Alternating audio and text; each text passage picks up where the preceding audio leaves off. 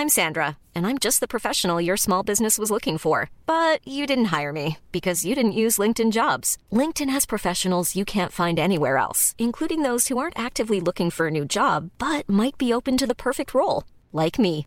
In a given month, over 70% of LinkedIn users don't visit other leading job sites. So if you're not looking on LinkedIn, you'll miss out on great candidates like Sandra. Start hiring professionals like a professional. Post your free job on linkedin.com/people today. Hey there, it's Michelle Norris. I'm host of a podcast called Your Mama's Kitchen. When I travel, I'm usually looking for a way to find a taste of home when I'm not at home. And one of the things I love to do when I am at home is entertain. And Airbnb allows me to do that. When I was in California recently, I rented a house that had a great kitchen. And when we were sitting around the table, we we're all thinking, we're in someone else's house. Someone could be in all of our homes as well. If you have a home, but you're not always at home, you have an Airbnb. Your home might be worth more than you think. Find out how much at airbnb.com/slash host. Wow. Nice. Yeah. What you're hearing are the sounds of people everywhere putting on Bombas socks, underwear, and t-shirts made from absurdly soft materials that feel like plush clouds. Yeah, that plush. And the best part? For every item you purchase, Bombas donates another to someone facing homelessness. Bombas. Big comfort for everyone. Go to bombas.com slash ACAST and use code ACAST for 20% off your first purchase. That's bombas.com slash ACAST. Code ACAST.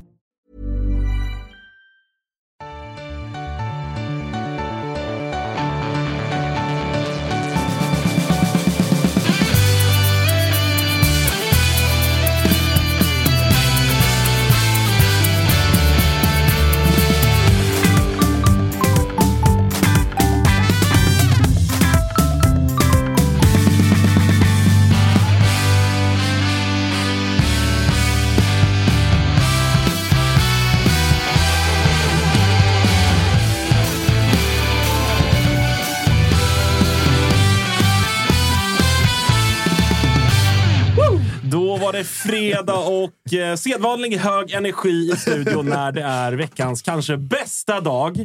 Eh, bästa avsnitten tycker jag brukar komma på fredagar. Dessutom eh, 19 januari. Barnbidraget har trillat in på kontot. Det, fan, livet Diktörpin känns... bokat ikväll. Eller Bokat. Chambre separé på Diktörpin Vore den ikväll. första personen i världen som bokar bok på Diktörpin möjligen. Ja, man gör inte det där. Nej, alltså det, det behövs inte så oftast. Nej. Tänker Det är mycket folk där. Liksom. De vet Boka vem plats. du är, eller? Eh, låt det vara osagt. Låt det vara osagt. Eh, som ni hör, eh, hög energi som sagt. Kalle, Ja, för fan. hur är känslan? Den är kanon. Eh, det är fredag. Käkade en jävla topplunch Ja, med det Thomas Wilbacher. Det godaste jag ätit i mitt liv. Typ. Oj! Ja, vad var det? Det var marulk. Ja. Jag hör det här. 495 eller? Jag, Dagens jag, lunch. Jag, jag vet inte. Jag tror, den kommer till, jag tror fakturan landar hos Freddy i slutändan. Så att det löser sig. Okej. K26 Media får ta det. Ja, så, eh, helt rätt kan jag Ja, det är representation ju. Så är det. Ja, så är det. Kalle Konsult. Fredde, hur mår du? Eh, Jag mår bra. Eh, Du åkte på en riktig jävla omgång på IAFC här ute innan. Väldigt hög svansföring inför matchen hade du. Eh, 3-0 efter 29 minuter till undertecknad. Eh, Slutade 4-1. Eh, Mycket gnäll på en eh, trasig joystick från ditt håll, men Vi har ju bara en fungerande det var ju kontroll. ingenting vi eh, övriga kunde se. Nej, det, var ju eh, jag, ja. det var ju jag som lirade med den kontrollen. så det var, så att, hade varit märkligt. dansar in i dagens avsnitt. Eh, Ja, ja, ja, ja. Sen ja. toppar man ju med lilla, lilla resan till Zanzibar imorgon. Just det, du Mm. är, du är borta härifrån studion i alla fall i två veckor. Exakt. Två Tråkigt veckor och två dagar. Ja, Men jäkligt kul för dig. faktiskt. Det ska bli skönt att få lite Vad står på, värme. vad står på schemat? Åh, två olika boenden. Uh, någon typ av eh, dyk. Kanske något litet safari käkat lite fisk. Kikat på de så här skittöntig så här cleansing-grej där nere i tre dagar. Ja, Lavemang. ja, ja, jag har liksom aldrig gjort det. Så jag var så här, fan, nej, Zanzibar, kanske köra ett cleansing-program i tre dagar. Men det är också så här, ja det händer väl ingenting på tre dagar. Det är så här, det är väl ett månadsprojekt liksom. Jag tror det också, Så utan att, att, vara expert på området. så. så Ja, men härligt, skita i det. härligt för dig. Vi, Josef, vi pratar, Jo- Josef Bladan är här också i studion. Sitter, sitter mest och småfnissar lite grann. Men vi pratade i, Ja, det var väl i måndags va? Ja. Om att det är liksom den tuffaste tiden på året eh, ekonomiskt för folk. Freddy Arnesson svarar upp med att åka till Zanzibar i två veckor. Nej, jag, jag är i ett sånt läge så att jag har inte ens liksom råd att förlänga mitt SL-kort, så jag måste börja planka snart. Men, men eh, Det är där vi är och det är därför eh, Freddy Arnesson är vd för K26 Media medan vi andra bara är simpelt fotfolk. Men eh, någon ska ju vara det också. Så är det. Eh, vi har ett jäkla program framför oss om vi ska vara lite allvarliga. Vi ska ringa Dion Krasniqi eh, alldeles strax som ju är klar för Elfsborg sen eh, ett, ett tag tillbaka nu eh, ändå från, från Varberg. Eh, dessutom Rasmus Schiller 14.30 och sen Jonathan Ederström i Sirius eh, runt 15. Så att det är eh, brett och högt och, och väldigt roliga ring som eh, ligger framför oss. Ja, senast vi snackade med Dion var han ju i eh, Varberg. Han var väl på eventuellt nere i var han i Kosovo? På Mm, U21? landslaget. ja. Så det ska bli kul att höra liksom lite hans tankar kring den här flytten. Eh, såg att Gudjonsen lämnar för hans här Rostock, så det blir ju mindre konkurrens eh, i anfallet och det skulle väl tunnas ut lite där uppe. Så det är väl början på... De har väl Jack Cooper Love också på väg ut nu. Ja, fick, eh, fick knappt vara glad i ett dygn för att Gudjonsen fortfarande spelade i Elfsborg. Och det var väl inte... Isak Idén var snabb att påminna mig där om att, vad var det jag sa häromdagen? Att eh, varje dag med Gudjonsen i Elfsborg är en förlorad dag för Elfsborg. Och så gick det fort. Så uppenbarligen, han fortsätter att lyssna på de här programmen, Stefan Andreasson. Ja, jag, Han vaknade. Han vaknade väldigt. jag, jag är med dig där. Det är, eh, jag tror inte att Elfsborg blir sämre av det faktiskt. Absolut inte. Nej, men det, så det blir härligt. Uh, Josip, jag var Mm. faktiskt inne och, och, och kollade. Du och jag följer handbollen, som ni vet nu. Det gör vi. Det tung torsk igår för Kroatien. Ja, med tanke på att det var ändå så pass nära som det ändå var. Det var ju ett par... Eller framåt slutet där så var vi nere på, på ett målsunderläge för Kroatien då mot, eh, mot Frankrike. Hade chansen att, att ta, nypa en poäng. Det är såklart bonus och, och göra det mot fransmännen. Var inte där mellanrundan står och väger riktigt, utan det är ett par andra matcher som väntar. Men nej, surt. Jävligt tungt så, som alltid. Det är återigen kroatiska förhoppningar och drömmar krossade av en fransk stormålvakt. Eh, är som alltid. Ja, det är vidrigt att förlora mot Frankrike. Nej, alltså, det, är, det är någonting med uppsynen på, på de där jävla fransoserna som Mm. är svåra att hantera. Men ikväll framför allt ju, Freddy. Den kommer till och med du se. Sverige-Danmark. eh, det är exakt Danmark, va? Ja. Ja, det ser lite om Mikkel Hansen, men han är inte den stora stjärnan längre. Alltså, han är ju stjärnan, Mm. men han är inte så... mm, Åldern börjar så småningom ta ut sig rätt. Nu är det framför allt att han går in och smäller in varenda straffkast rakt upp i krysset. Mm. Så att han är ju fortfarande bra. Och Danmark är ju otroligt bra. Är han i PSG? Nej, han är ju hemma i Danmark. Hemma i. Danmark, Han är det, ja. Ålborg. Ålborg, va? Mm. Ja, min, min tjejs frikort, Mikael Hansen. Är det så? Ja, hon tycker han är otroligt... eh, Det är pannbandet som gör det. ja, verkligen. Han har cool stil också. Han är Ja. ju liksom en, en liten... Fan, jag vill inte säga modelejon. Fan vad förlegat ord. Men han, han, är, han är kanske lite karikatyren av en uh, handbollsspelare, om vi säger så. Ja, absolut. Lite Ja, han, har någonting. handbollen. han har någonting. Men jag var i alla fall inne och kollade på oddsen hos ATG eh, till den här matchen. För att, eh, Danmark är stor favorit att vinna hela mästerskapet och Sverige är väl alltså, Sverige är redan där Europamästare, så att, herregud. Men eh, Danmark står i 1.32. Säger väl någonting eh, om det. Och jag tror att eh, skulle jag välja sida så skulle jag nog gå på dansk sida. Tyvärr. Det tar ju emot såklart, men eh, Vad hade vi eh, runt fem gånger pengarna och sånt tror jag. Vi är underdogs idag, men... Ja, så att det blir jäkligt tufft. Men eh, kan man gå in på atg.se eh, om man vill och, och spela det. Att, om man är 18 år och inte har problem med spel. För då finns stödlinjen.se. Sitter Kalle och Freddy fredagsfrissar. konstaterar att ni är underdogs. Det var, det var en så kallad öppen dörr att slå in. Jag är tänkte lite av en att vi- oddsexpert. Så Ja, att, eh, ja, så är det. Det är inte alla som hänger med på det där. Eh, Ja, så är det. Men eh, mer om ATG nu, eller Josip? Eller ska vi ta det Ja, sen? Vi det kan är ta det inte, nu. ja, men det är inte bara handbollen såklart. Den ger ju en extra krydda i de här deppiga dagarna eh, som, som ändå i januari. Det var väl Blue Monday i måndags, eh, årets deppigaste dag officiellt. Men eh, handbollen värmer ju precis precis som alltid den här delen av året så att säga. Eh, på tal om att värma så har ju Robin Bylund och Fabian Jalkemo värmt upp ordentligt eh, genom eh, sina tripplar nu som börjar, för att citera Marcus Tapper, se oroväckande bra ut. Eh, senaste Brit eller Rule Britannia-trippen ligger ju ute som ni vet på atg.se slash tutto. finns lite, lite andra spel att kika på där inne också, precis som vanligt. Så vi säger stort tack till ATG. Det gör vi verkligen. Eh, ska vi ringa upp eh, Dion då, Kalle? Eh, och ta lite temp på honom om hans första tid i Elfsborg och hur han ser på Tacka för ribbskott. säsongen och sådär. Ja, exakt, exakt. Du, eh, du gillar väl säkert- honom med tanke på det? Ja, jo ja. Det, det får man säga. Men alla, alla vi har väl varit ganska rörande överens om att det är en jäkligt bra värvning av Elfsborg. Ja, vi hade ju Ismet Lushaku igår också, gammal Varbergsspelare. Och det var väl de två framför allt som man hoppades och trodde skulle hitta nya klubbadresser. Och det har de ju båda gjort. Så är det. Eh, Dion Krasniqi, välkommen tillbaka till Toto-svenskan. Tack så mycket. Tack. Hur är läget med dig? Jo, det är bra tack. Det är fint. Eh, säsongen igång även nere i Borås. Vad är eh, status? Är ni iväg på läger eller är ni fortsatt hemma? Nej, vi, vi åker på läger eh, nästa lördag så vi har en vecka till här och sen åker vi iväg till Portugal i två veckor. Är det Algarve som, som de flesta andra? Ja, precis. Ja. precis. Härligt. Eh, hur har eh, första veckorna, det har ändå varit ett tag nu, även om kanske inte träningen har varit igång så länge, men hur har första tiden varit i Elfsborg? Nej, men vi, vi startade ju igår eh, så det har, inte varit, eh, det har inte varit så mycket med laget egentligen men eh, första känslan har varit riktigt bra. Vi har, haft en, vi har haft lite längre uppehåll men vi har kunnat hålla igång så att vi ska starta och träna hårt direkt. Och jag tycker att jag tycker det har gått bra. Vi har kunnat komma igång i det med hög intensitet direkt. Vad är det för skillnader som du kanske framförallt har liksom reagerat på och tänkt på om du jämför Elfsborg och Varberg? Nej, men man märker väl eh, intensiteten och tempot i spelet och lite så de här små grejerna. Det är det som skiljer lagen åt liksom. Eh, för alla, alla är, spelar man i allsvenskan kan man ju spela fotboll men det är de här små grejerna man lägger mer tyngd på som, eh, som spelar roll i slutet. Du, jag måste eh, fråga dig en aktuell grej som eh, det blev väl officiellt igår va? att eh, Sven Gudjonsen lämnar Elfsborg för Hansa Rostock. Det är ju Eh, ja, ni hann väl inte bekanta med, med varandra så länge då, men, men en spelare som ja, hade varit en konkurrent på er även om ni, ni liksom var lagkamrater. Hur, eh, liksom, hur reagerade du på, på den nyheten? Nej, jag har inte tänkt så mycket på det. Han var faktiskt inte inne igår eh, så jag har inte hunnit träffa honom. Men ja, konkurrens kommer alltid finnas, speciellt i lag som liksom är med i guldstrider och så. så det är något man, eh, man alltid förväntar sig och det är bra. Man ska inte vara för avslappnad utan man ska liksom vara igång hela tiden. Så det är inget jag har tänkt på jättemycket utan mer förväntat mig. Efter din säsong i, i Varberg förra året igen så var vi ju ganska, eller vi var ganska övertygade här inom att det är större uppdrag som väntar och större klubbar och, och andra sammanhang för dig. Och sen kom det väl, jag tror det väl var i, i samband med eh, efter Göteborgsmatchen så kom det ju uppgifter om att du var klar för Blåvitt och folk började skriva och det var massa grejer och sen så, så var det tyst ett tag och sen blev det Elfsborg. Eh, hur, såg, hur såg den processen ut med, eh, med de här intresserade klubbarna efter säsongen?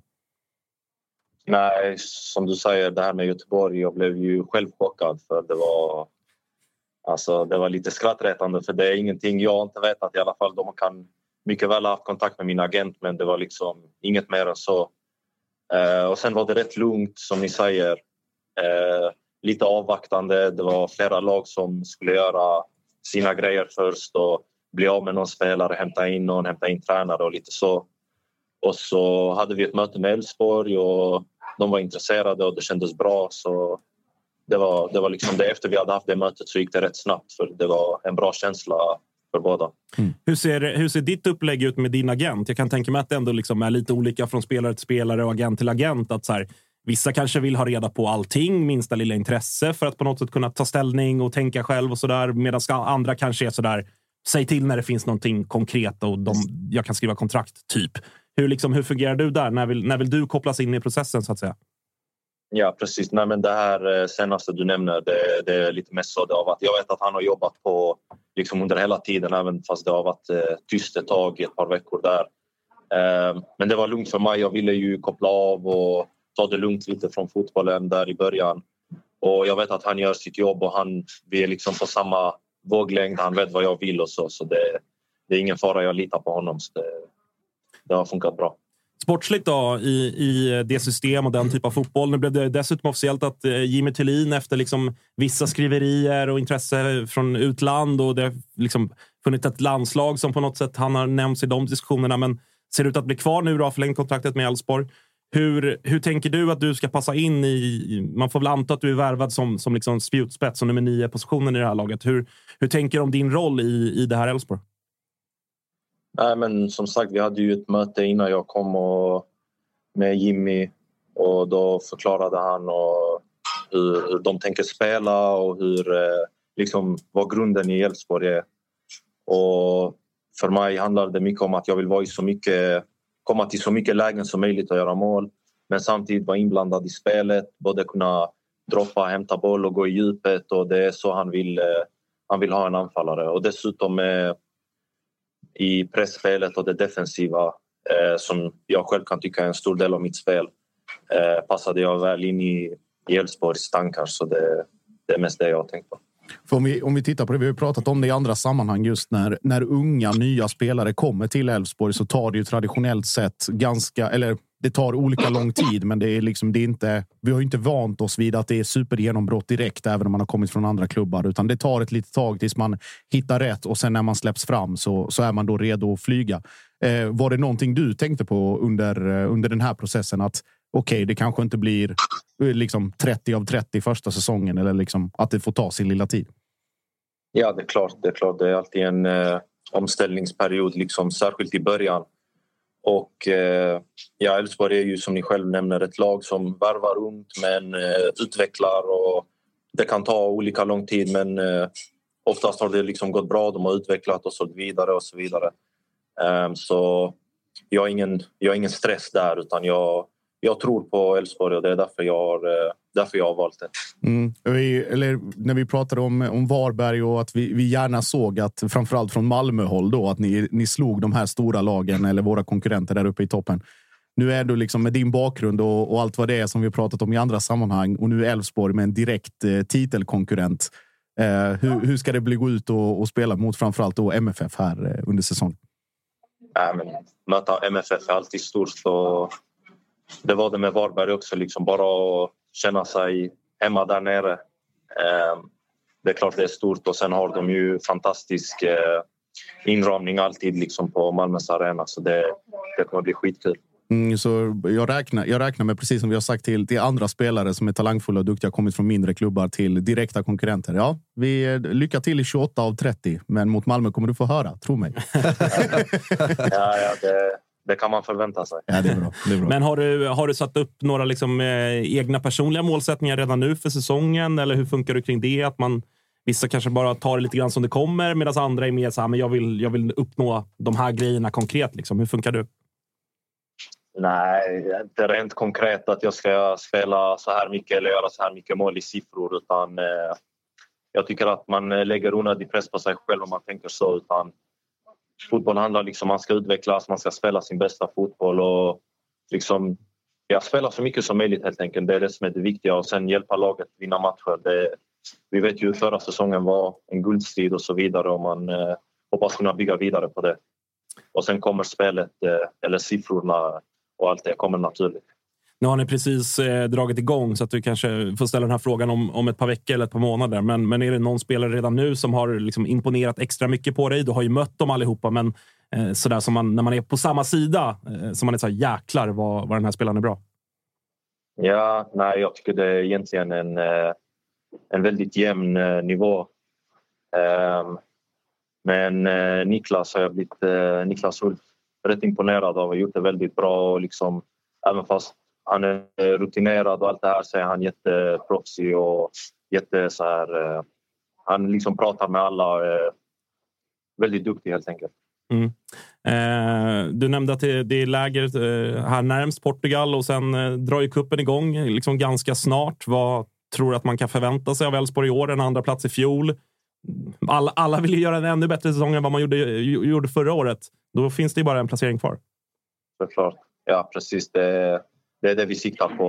Ehm, ja, vi vill bara göra bra fotbollsmatcher helt enkelt och vinna varje match. Stort tack Dion för att vi fick eh, ringa till dig. Lycka till i eh, Elfsborg så hörs vi av. Tack själv. Tack ha det fint. Mycket. Tack. Hej. Spännande. Det blir eh, intressant att se hur... För det, det, har vi också pratat om tidigare, just kring nummer nio positionen i Elfsborg. Att det är liksom rent produktivt framåt så har man kanske ändå kämpat lite där. Eh, sen har de ju haft, och det är han ju inne på själv redan nu, att han... Mm. Och det var väl säkerligen en del av snacket både från Andreasson och, och Jimmy att ska du komma hit för att göra 18 mål, då kanske inte Elfsborg här och nu är den bästa klubben mm. utifrån det. Utan det är väldigt mycket annat som läggs in i den rollen också. Hur, hur väl tror ni att han kommer passa in? Jag tror jätteväl på sikt. Eh, det är ju precis, alltså, Dion är väl lite i facket som... Alltså, Eggert är ju en sak för att han kommer från en annan liga. Och det här är liksom, visst, han har spelat seniormatcher på Island, men att komma in i Elfsborg. Det är inte liksom att han fasas in via Degerfors eller någon annan mindre klubb, utan det här är ju rakt in och dessutom kostar väldigt mycket pengar. Dion är en annan typ av lösning, men det är samma profil och det är ju lite inne på som vi nämnde innan med de här unga spelarna som ska få sin tid och takt att, att utvecklas. Så jag tror på sikt. Men där som du är inne på Agge, alltså att just att Elfsborg har varit så bortskämda med att det är så många andra som har haft dagen eller haft sina omgångar där de gör sin grej. Liksom en om vi kan kalla honom för två plus tre plus spelare, Jeppe Ockel som förra året liksom varenda skott på våren gick in och sen så kommer någon annan i någon annan omgång och gör tre baljor och så plötsligt står Boateng eller Baidu för att eh, ha gjort sju poäng på fyra matcher. Så att de har inte. Det har ju varit ett problem, men de har ju kunnat haft lyxen att andra har klivit fram. Lite som Malmö har haft liksom när eh, Kistelin har varit eh, eh, haft den, eller hade den målsvackan och så klev andra fram och gjorde det. Men det kan man också förvänta sig av MFF. I Elfsborg var det ju på något sätt, jag ska inte säga unikt, men väldigt att stjärn, väldigt mycket stod väldigt rätt. Och det handlar ju också om att de är så trygga i sitt spelsätt. De vet ju hur de ska göra och när de har dagen så kan de slå inte bara vem som helst utan med ganska mycket också så att det blir dominanta segrar. Så att jag tror, eh, jag tror tiden talar för, eh, för Krasniqi. Sen om det blir 10, eh, 15 eller 20 matcher den här säsongen, det, det vet bara Jimmy Tillin och, och Dion själv. Och, mm. Så får vi väl se vad det blir av. Ja, det märkte vi också med, framför ett färskt exempel, den förra säsongen liksom, med lag i Bjälke. Liksom, att så här, men alla visste någonstans potentialen han hade i sig.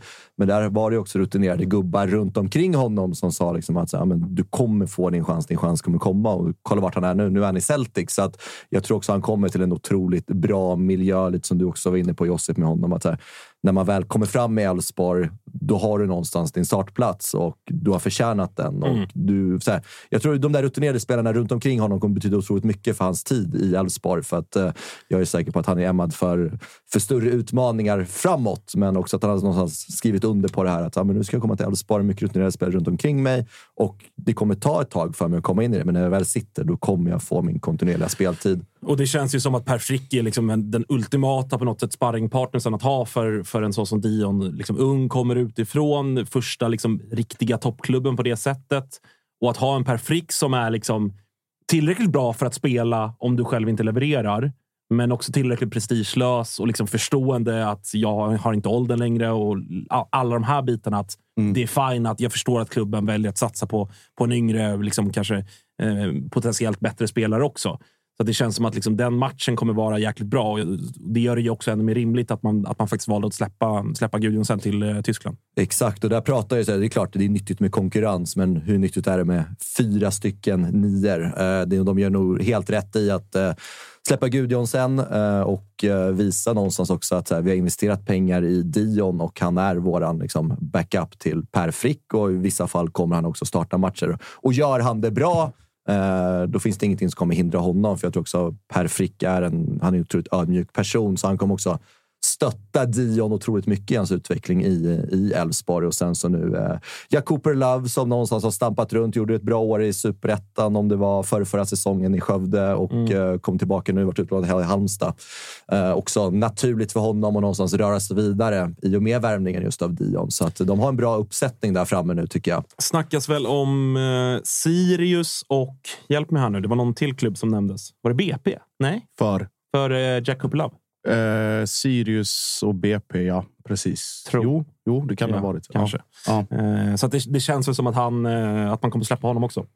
Ja, och det är väl eh, lite... Alltså så här. Eh, guys, guys. guys, guys var det. Guys. Sirius och guys. Rätt ska vara rätt. Eh, nej, men det är väl alltså som sagt, man har väl fått gjort den bedömningen också. Alltså att även om han har gjort det bra i Halmstad och i de andra sammanhangen, varit i Elfsborg väldigt länge, att det är en spelare som med Elfsborgs ambitioner och med den liksom grundnivån som finns så känner man väl någonstans att mm, kanske inte här, men absolut i en annan klubb i allsvenskan eh, där det dessutom finns någon form av tydligare utrymme för speltid. Jag tycker Gais hade varit ett, ett jättebra alternativ. Bra komplement till, till Mervan Celik också eller till Al Holmström. Uh, och, eller Sirius då som har den förmågan att liksom hitta spelare som står och stampar lite och sen trycka iväg dem uh, mot nya höjder också. Så det är väl två klubbar som verkar ha gjort sin, sin scouting på en spelare ganska bra. Ja, han gör ju ändå fyra mål och en assist i, ett, uh, i Halmstad förra säsongen. Så att det finns ju ändå någonting i Jack Cooper Love som gör att han förtjänar ju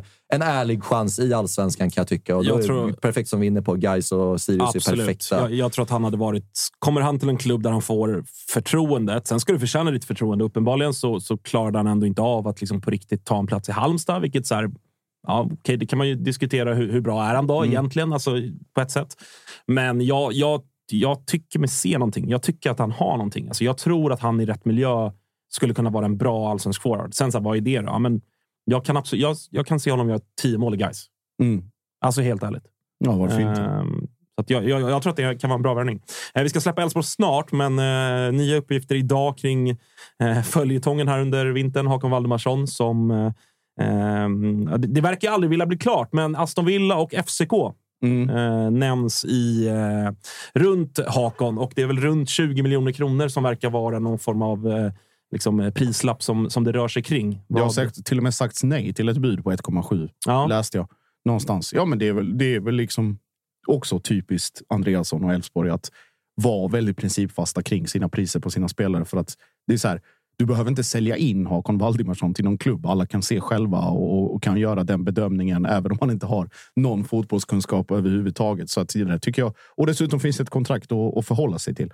Så absolut, var, var hårda och var tydliga med att det är det här som gäller. Eller så, så stannar han och så får vi väl sälja i nästa fönster om det nu blir aktuellt. Och att man har då den målvaktsduon man har. Man gör sig av med Tim Rönning och har nu både Isak Pettersson och eh, Hakon Valdimarsson som, eh, som startande duo, vilket är absolut toppklass i, i allsvenskan. Vad skickar det för signaler då till eh, er kära Robin Olsen borta i Aston Villa om de plockar in Hakon? Jag säger väl absolut ingenting. Det är väl precis som, som alltid. Med, med, Oförändrat läge för Robin Olsen. Du är, inte, du, är, du är inte längre eller närmare en, en spelplats ändå. Exakt, och det är väl, det är väl också för, för Robins skull också en, eh, jag ska inte säga en indikator, men också att ja, ja, men det är dags att, att söka sig vidare och det har det väl varit ett bra tag i Villa också. Hur många år skrev ni med eh, Friedrich? Eh, tre tror jag.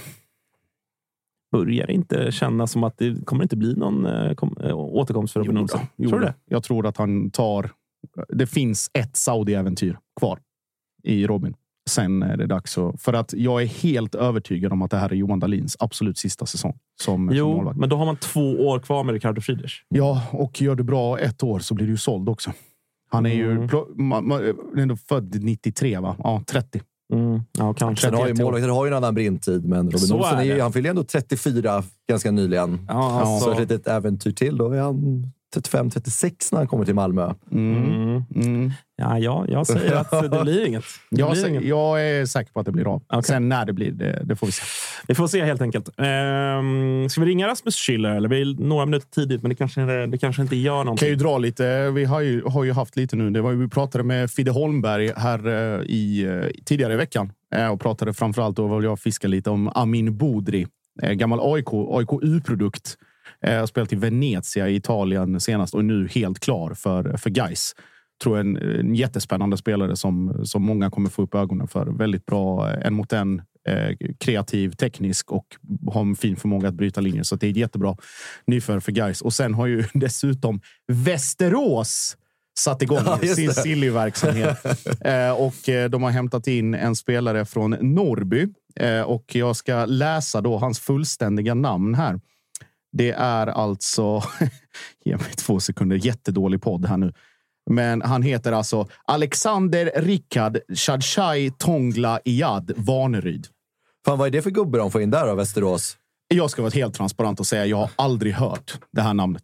Jag har aldrig i Nej, mitt in- liv... inte jag jag har aldrig hört. Alltså, ofta ser man ändå så här... Ah, ja, just det. Alltså, det Mm. finns någonting Här där finns bak. ingenting. ingenting. Helt tom. Helt blank där. Um, meddelade du, Rasmus, att det, det blir vanligt samtal, tror jag? Eller hur, Kalle? Ja, exakt. Eh, Yes. ingen bild. Det är lite Ja. tjall på linan här. Hoppas inte att ni som eh, tittar eh, drabbas av det. Men Det gör de nog inte. Det är bara Nej, att vi inte härligt, kommer härligt. kunna se våra gäster då. nej, vi får köra, köra vanligt eh, samtal. Det, det får duga helt enkelt. Mm. Eh, ska vi se om eh, Schüller svarar. Hur glad är du att det ser ut att bli en fortsättning? Ja, men otro, otroligt viktigt för, för Djurgården såklart att behålla Rasmus Mm. eh, framåt. Eh, Rasmus Schüller, hör du oss? Hej, nu hör jag. Jag är i bilen, så jag... Sorry. Ja, det är ingen fara. Det, det, planen var ju att köra Facetime, men vi har lite strul med, med tekniken här. Så vi får köra vanligt samtal. Jag hoppas det funkar ändå. Hur är läget? Ja, det, är bra. Det är bra. Hur är det själv? Det blir lättare för mig med vanligt samtal. Ja, men härligt. härligt. Ja. Jo, men det är, eh, det är bara bra med oss också, tycker jag. Det är eh, fredagskänsla i studion. Hur, eh, hur, hur mår du den här tiden på året? Det brukar vara full körning i de flesta klubbar med, med dubbla pass och, och hela köret. Hur, hur mår kroppen? Nej, alltså jag, jag mår bra rent, rent psykiskt. Vi har, som du säger, alltså vi kör, det är vår andra vecka, vi är inne på vecka två. Vi har, vi har tränat på bra så att man är nog trött i kroppen. Fysiskt är man, är man lite trött. Men vi ska ju spela ännu imorgon så det gäller inte att klaga. Vi har årets första match mot BP borta imorgon. Det är väl tanken att, att det blir kanske 45 minuter belastning ännu för alla den här veckan så det ska man nog klara av.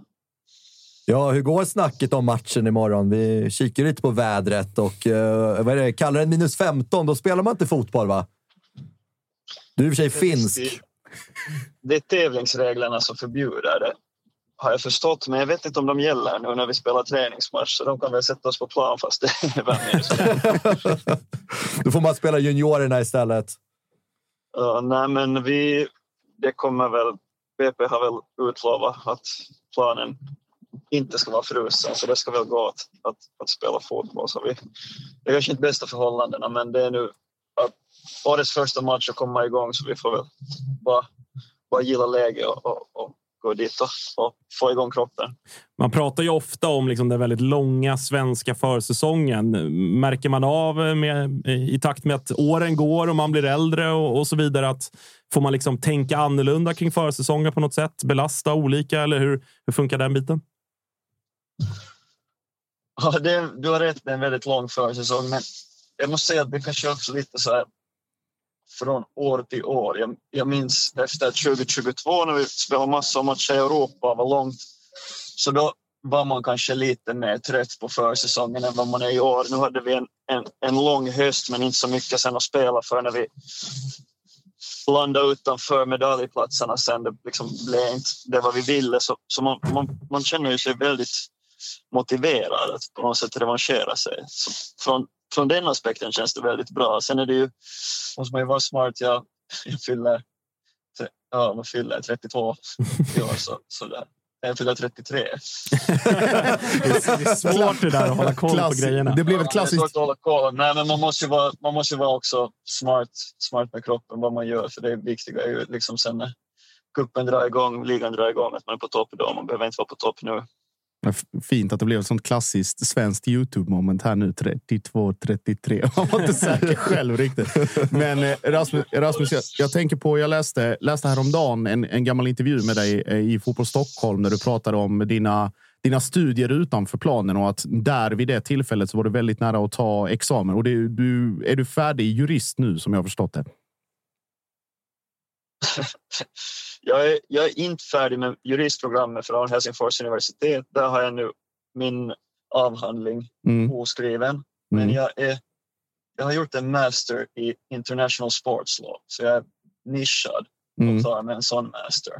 Så jag, jag är klar. Jag, jag, är inte klar, men jag är klar. Ja, jag förstår. Ja, men det, det glädjer ju mig. Det glädjer ju mig framför allt att det finns lite högskolepoäng hos våra gäster och i studion ibland. Det gör det ju inte alltid. Ja, men men det, det glädjer, ju, glädjer ju mig också att någon har valt den banan. Men eh, av ren nyfikenhet, liksom, har, du, har du alltid varit eh, liksom, plugg och, och, skolintresserad eller kom detta som en, som en sidogrej av fotbollen? Eller hur, hur funkar det för dig? Uh, jag, har nog, jag har nog, efter att jag blev student så spelade jag enbart fotboll kanske i två år. Och sen märkte jag att, nej, att, att jag har så mycket tid att lägga ner utöver fotbollen. Fast det är såklart krävande, men tidsmässigt så, så har man ju tid att, att plugga. Så det funkar för mig bra att, att försöka vidareutbilda mig. Så det var två år typ spelade bara fotboll efter studenten. Och sen efter det så har jag hållit på. Jag har gjort lite olika grejer och jag borde kanske när jag säger att jag är 33 och, och två år efter studenten börjar plugga så borde man väl kanske ha en examen redan. I lågt tempo så, så det här, men, men på den vägen är jag. Jag gissar, att, jag gissar att du kanske Det är lite av en kanske livsstil också. Har det varit. Kanske skönt för dig att du liksom, eh, har haft en fotbollsspelande lön. En vanlig människa som hade pluggat i tio år hade varit skuldsatt liksom, in i graven. Det hade varit jobbigt att ha CSN för tio år. Rasmus tar ingen CSN. Jag, jag är så lyckligt lottad på det viset. Att det har gått att, att ha det mer lugnt. Man har inte måste ha den här pressen att fan, jag måste få ett jobb nu snart. Jag kan inte hålla på och plugga här för evigt. Mm. Ja, men jag tycker vi lämnar advokatsvenskan här. Jag är, lite, jag, jag är lite nyfiken på... Nu har ni tränat någon vecka här och vi djurgårdare har ju spekulerat mycket i hur liksom, en, en framtida elva skulle kunna se ut. Framförallt nu när vi fått in Albin Ekdal. Där skulle man ju gärna... Jag har ju liksom varit en, en, en stor supporter av att vända på våran diamant på mittfältet och köra dig och Albin tillsammans. Är det någonting ni har tränat på nu den här veckan som har varit eh, på Bosön? Ja, vi, vi, har, vi har faktiskt roterat väldigt friskt på mittfältet. Vi har mycket mittfältare, men det är lite så att alla har, alla har spelat med alla och alla har spelat mot varann också här under de här två veckorna. Men att jag har kanske inte tagit det med Kim och Tolle liksom så här, riktigt officiellt att vad, vad som tanken är men jag tror att de tänker att de är, vill väl inte vara så bundna kanske till, till en viss ja, liksom uppställning eller, eller liksom taktisk formation utan mer att få de spelarna som är i form och som känns bäst att kunna hjälpa laget till vinst att få dem på plan samtidigt. Och sen är det ju, får man ta det därifrån att vad det liksom blir för för formation på mitten till exempel på mittfältet är det två balansspelare, en balansspelare eller, eller så blir det Att det, det är svårt att säga så här dags men, men absolut det är ju låter i mina öron också bra att, att spela, spela liksom två balansspelare och, och där spela bredvid Albin. Det, det låter väldigt bra. Hur, hur har han varit hur, och liksom spela, spela mer på träningarna och så där? Hur liksom, märker man av den klassen han eh, ändå besitter? Jo, han är, jag tycker att man märker. Han är väldigt, väldigt trygg, trygg i sitt defensiva offensiva agerande. Ja, nu är vi tidigt inne på säsongen och vi alla, alla söker väl fortfarande lite formen och sådär men, men jag tycker nog att han, han höjer bara. Med blotta närvaron så höjer han, höjer han också liksom, miljön för oss så det, det är väldigt bra att få en sån klasspelare in. Eh, på tal om andra spelare som har imponerat, vad man har förstått av rapporteringen och så där, så ser ju Miro Tenjo väldigt, väldigt bra ut eh, och, och liksom är trygg och lugn i sitt spel också. Även om att vissa har haft koll från, från Helsingfors och så där, men det är fortfarande en annan grej att, att komma och, och, imponera så pass mycket som man har gjort de här korta veckorna. Vad har du att säga om, om honom och, och är det skönt att ha en landsman på det sättet i laget också? jo, jag känner ju Miro sen. Jag har spelat tillsammans med honom 2020 i Helsingfors och sen har vi spelat i landslaget så jag känner honom väldigt bra. Uh, och Miro är en jättestabil kille både på och utanför plan. Resolut försvarsspelare, också bra med boll. Och han har börjat, han har börjat bra. Uh, det, det, är ju alltid så här, jag, jag, vet ju vad Miro går för och, och har ju varit med och länkat honom när han, han har kommit hit men det är ju alltid en annan sak sen att, att börja spela och komma in i den nya miljön oavsett hur det ser bra, bra ut. Uh, liksom på pappret eller innan. Eh, men det, det, det varit en bra början för honom, så det är roligt mm. bygga på det vidare. Ja, för han sa ju också själv att eh, Schüller hade ett finger med i spelet när jag skulle till Djurgården när det blev aktuellt. Var det du, var det du som sålde in honom eller vad hade du för roll där? Nej, men det blir naturligt. Jag har spelat med honom uh, kan Djurgården ut och in, kan Miro som spelare ut och in skulle jag också påstå. Så jag kan ju, kunde ju vara liksom en naturlig länk där mellan Djurgården och Miro som spelare när båda liksom ville scouta och känna på varandra innan det blev klart. Finns det någon press nu att bara säga ja, men Miro är min gubbe och jag har hjälpt honom att komma in i det? Blir det extra press på dig då att fan, nu får du leverera så jag inte ser dålig ut i min scouting? Den, den, pressen är nog på Miro. Men såklart, det det min kommission. Jag har inte fått någon annan kommission för att förutom att Miro är här och spelar så och det räcker för mig. Men de måste ju leverera såklart. det är bra. Ja, du tar ju den framtida commissionen sen han gjort bra i Djurgården. Ja. Du, en annan spelare som, eh, som såklart är liksom, eh, uppe för snack är ju eh, Lukas Bergvall. Det är Barcelona ena dagen och United andra och det är väldigt mycket fokus på honom. Hur, hur är han i liksom vardagen? Är han, är han så pass mogen att han, han har fötterna på jorden? Hur, liksom, hur funkar det där? Ja, men det är han absolut. Jag, jag märker ingen, eller det är ju ända sedan Lukas kom till Djurgården så har det surrats väldigt mycket kring honom, men jag märker ingen skillnad på Lukas. Men nu har det ju liksom sprungit vidare på, på riktigt överhettade varv, om man kan säga, formulera sig så, men jag har inte märkt någon skillnad på Lukas uh, från, från tidigare. Att han, han är väldigt här och nu och, och gör sitt jobb och sköter sig bra och det är väldigt härligt att se för det kan ju inte vara lätt för en, för en kille som är 17 år att, att ha det fokuset och det liksom förstoringsglaset på sig konstant. Men påverkar det, påverkar det er någonting? Alltså håller du igen lite när du kliver upp eh, på hälsenorna på honom? Alltså det är potentiellt hundra millar du, du springer upp i rygg på. Där. Man, ska, man ska ju hoppas det. Hoppas det. Vi kan ta, vet, ni var kanske ingen och kollade på träningen igår, men det var ju Lukas som blev fick mest frisparkar med sig. För att, och då, då sådana situationer var han också skulle ha frisparkar med sig. För att Lukas är ju den spelaren som gillar att driva boll. Så då är det ju ofta att, att då blir det kanske en situation där någon tänker att nu kan jag sno den men så om man inte heller så blir det ett ihopslag eller någonting. Så man var lite så här shit att lugn nu allesammans för Lukas. Långa blickar från Bosse Andersson om man kliver upp och skadar Lukas Bergvall. Hur, eh, hur roligt hade det varit att spela ett centralt mittfält med dig, Albin och Lukas Bergvall? För jag, är ju, jag hade ju verkligen velat se Lukas Bergvall i Djurgården hela nästa säsong, för jag tror att han skulle kunna göra ett otroligt avtryck och sen så kunna, alltså med, med stöttningen från dig och Albin rent rutinmässigt också, men på det centrala mittfältet, eh, era roller. Det måste ju vara en kittlande tanke att spela tillsammans nästa säsong. Alltså jag hoppas ju också att, att eller vill jag det blir det bästa för Lukas oavsett vad som händer. Men det skulle vara jätteroligt om han, han är kvar, kvar hos oss en, en bit till. Uh, jag tycker att man sa i slutet på andra halvan förra säsongen uh, mot hösten så, så börjar Lukas mer och mer bli bekväm och blomma, blomma ut i allsvenskan också och göra de där grejerna som man hade sett honom göra tidigare på träningarna under säsongen. Så, så det ska vara väldigt, väldigt kul cool om, om det här. Han, han är kvar. Men sen är det ju också väldigt naturligt eller förståeligt om det inte är så att han är kvar. Och sen ska han dra igång. Det blir ju, det blir ju Rasmus såklart mycket, mycket. Nu har vi nämnt några, några av dem och Lukas inte minst, men det finns en Leach Holm som har kommit in. Findell får vi väl se vad som händer med. Det, det, det är mycket snack om det där centrala mittfältet och den konkurrens som råder. Är det, liksom, är det alltid bara bra med konkurrens eller kan det på något sätt liksom spilla över att så här, uff, nu, nu, nu är det nästan för mycket här. Det är, det är, ingen som vet vem som kommer spela och det finns en risk att det kanske inte hittas någon riktig kontinuitet och så där. Du, du förstår frågan?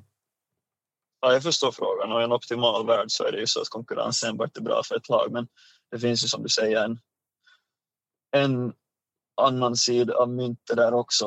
Uh, att det kan bli spelare som, som inte är nöjda i sin situation. Uh, och det är ju någonting som vi bara enbart får försöka hantera på bästa sätt inom laget. Sen vet man ju liksom framtiden får utvisa vad det blir. Men jag har en, en stor tro på att det kommer bli väldigt bra för att vi har väldigt bra karaktärer och typer i, i laget som är redo att, att göra det som är bäst för laget. Ja, och när vi pratar om eh, Djurgårdens Djurgården säsongen 2024 så du var ju liksom en, en stor talesperson kring det vi byggde upp på läktarna säsongen 2022. Liksom den här symbiosen mellan läktarna och spelarna och liksom vi jobbade tillsammans.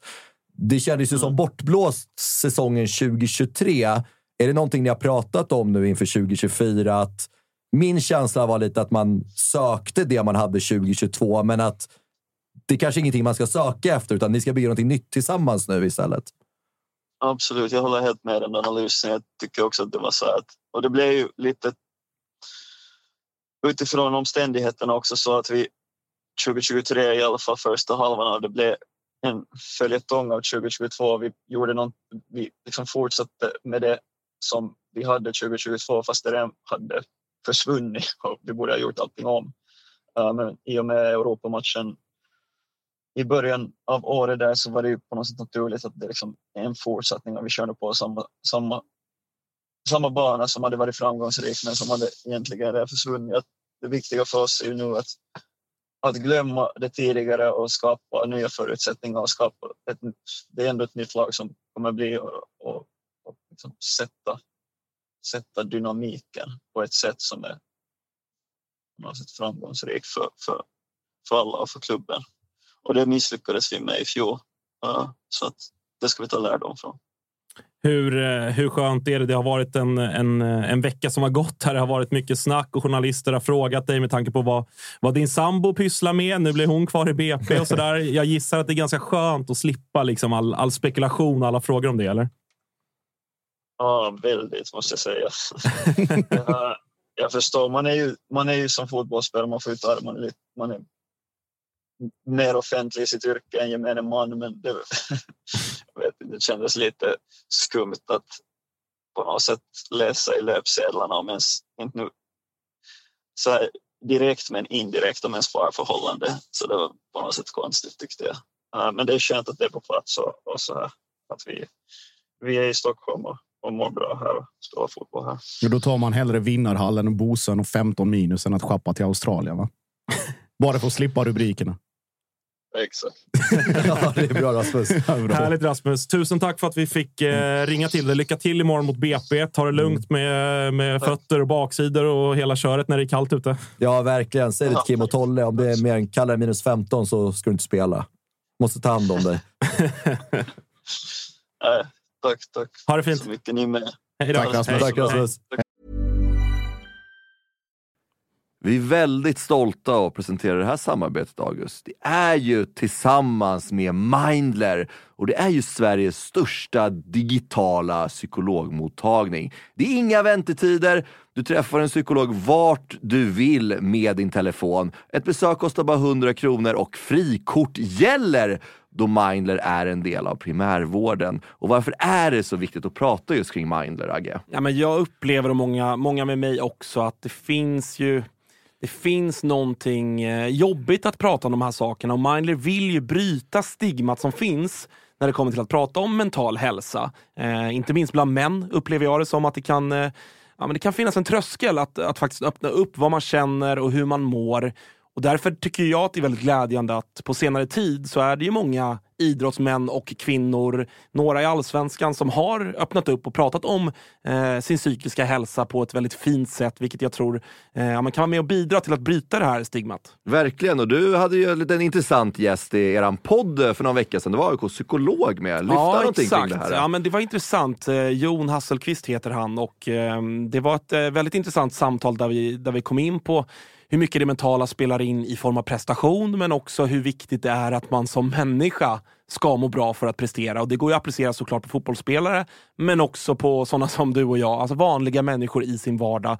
Att det är, eh, det är viktigt att lyfta upp det här till ytan och att eh, hantera det. Verkligen, och känner ni att ni vill ha någon att prata med så finns ju Mindler där för er. Och det som är så himla bra är att du väljer själv vilken psykolog du vill prata med och du kan byta om du känner att ni inte riktigt klickar. Och Mindler finns ju för alla som är plus 18 år. Så gå in på mindler.se och läs lite mer och boka din tid hos en psykolog redan nu om ni känner att ni behöver liksom hjälp kring det här ämnet. Stort tack till Mindler. Vi är glada att Tuttosvenskan görs med våra vänner på HelloFresh. Och många där ute, inklusive oss, börjar kika på att använda mer växtbaserade och hållbara ingredienser när det kommer till just matlagning. Och nu har våra vänner på HelloFresh via sitt nya samarbete med Oatly nöjet att presentera massa nya rätter på veckomenyn med just Oatlys havrebaserade i-mat och varför i-mat, Dage? Ja, men det är väl kanske en fråga man ställer sig. Men det är ju så att det är en ingrediens med 61 procent mindre eh, CO2-utsläpp och 83 procent mindre mättat fett än traditionell grädde. Så det är ett väldigt bra substitut. Ja, men och denna vecka så har vi kollat på HelloFresh hemsida och eh, botaniserat lite kring recepten som innehåller just i-mat. Och min tydliga, tydliga favorit är den soltorkad tomat rigatonin som ju har då lite soltorkade tomater, det är körsbärstomater, det är rucola, zucchini, riven ost Ja, men ni hör, en väldig massa smaskiga grejer som blir en krämig pasta. Just att använda rigatonin, Freddy, som jag vet att du gillar också, som just suger upp all den här såsen. Mm, den är en favorit hos mig. Verkligen, och jag gick faktiskt händelserna i förväg och testade redan förra veckan deras medelhavsinspirerade räkgryta med just i matsåsen och sen lite, lite, lite fint långkornigt ris. Eh, och Agge, vi har ju som vanligt en kanonkod också med våra vänner på HelloFresh. Den, den, den, jag hoppas att folk kan nu. Ja, det är ju Fresh Tutto. Du får upp till 1359 kronor i rabatt på dina fem första kassar om du inte har prövat HelloFresh ännu. Plus fri frakt på den första matkassen. Och det som är så bra, har du inte använt HelloFresh på över 12 månader så gäller koden även dig. Så gå in på hellofresh.se och lägg en beställning på en riktigt fin matkasse redan nu. Testa HelloFresh, testa Oatlys i-mat. Vi säger stort tack HelloFresh. Vi är sponsrade av eh, MQ, August. Eh, Mm. Det har varit, eh, vi har gått nu hela säsongerna. Först vinter och sen så förvår när man ska ha overshirts på sig. Man kanske vill ha en liten fleece. Och nu äntligen är försommaren här. Och då kommer också Dobbers nya sommarkollektion som de kallar för Sunset Horizon Club. Den här spången är inspirerad av surfen. Just det. Det, det, det är väldigt... så här, Om, Vad har du för relation till surfen? Ja, men stor relation. Varit i Brisbane eh, ser. och eh, där är mycket windsurfing. Sen så ner till Byron Bay där, där jag testade på vågsurfing. Och sen höll jag på att stryka med på, eller utanför Kota Beach då, när det kom en sju meters våg och tog mig. Ja. En minut och 30 sekunder senare så hittade jag upp till någon slags yta, skrapsår överallt. Den här kollektionen är då inspirerad av eh, surfen. Det kan man se i silhuetterna. Det är väldigt trendy att eh, gå i lite mer raka silhuetter nu för tiden. Du gillar den? Ja, men jag gillar den. Eh, jag tänker att vi kan prata lite om de olika nyckelplaggen som ju finns här. Det är ju eh, knälånga shorts till exempel. Skjortor med print och lite brodyr i lite olika färger som jag tror kommer vara ett eh, stående inslag på inte bara Stockholms gator utan Sveriges gator när sommaren kommer. Vi har också en hel del overshirts till de eh, lite ljumna sommarkvällarna. Sen så gillar jag en trend som har kommit som också hittar in i Dobbers eh, sommarkollektion här som är sets med både shorts och overshirt. Exakt. Kortärmad overshirt som man Mm. kan gå, gå runt i. Jag, jag gillar det. Så är det. Och även eh, linnet. Det är mycket olika typer av eh, texturer och material i den här kollektionen. Linne står sig fortsatt starkt, men det finns också en eh, he- hel del tencellskjortor och, och annat. Bomullsutmanaren Tencel. Ja. Om ni inte har testat det så kan jag rekommendera. Väldigt mjukt, luftigt, härligt. Ja, men så är det. det finns någonting för alla. Hur gör man då för att handla det här, Thomas? Jo, man går in på mq.se eller så besöker man sin närmsta MQ-butik. Eh, där hittar man ju såklart eh, Dobbers sommarkollektion som alltså heter Sunset Horizon Club. MQ.se eller någon av butikerna. Vi säger stort tack till MQ.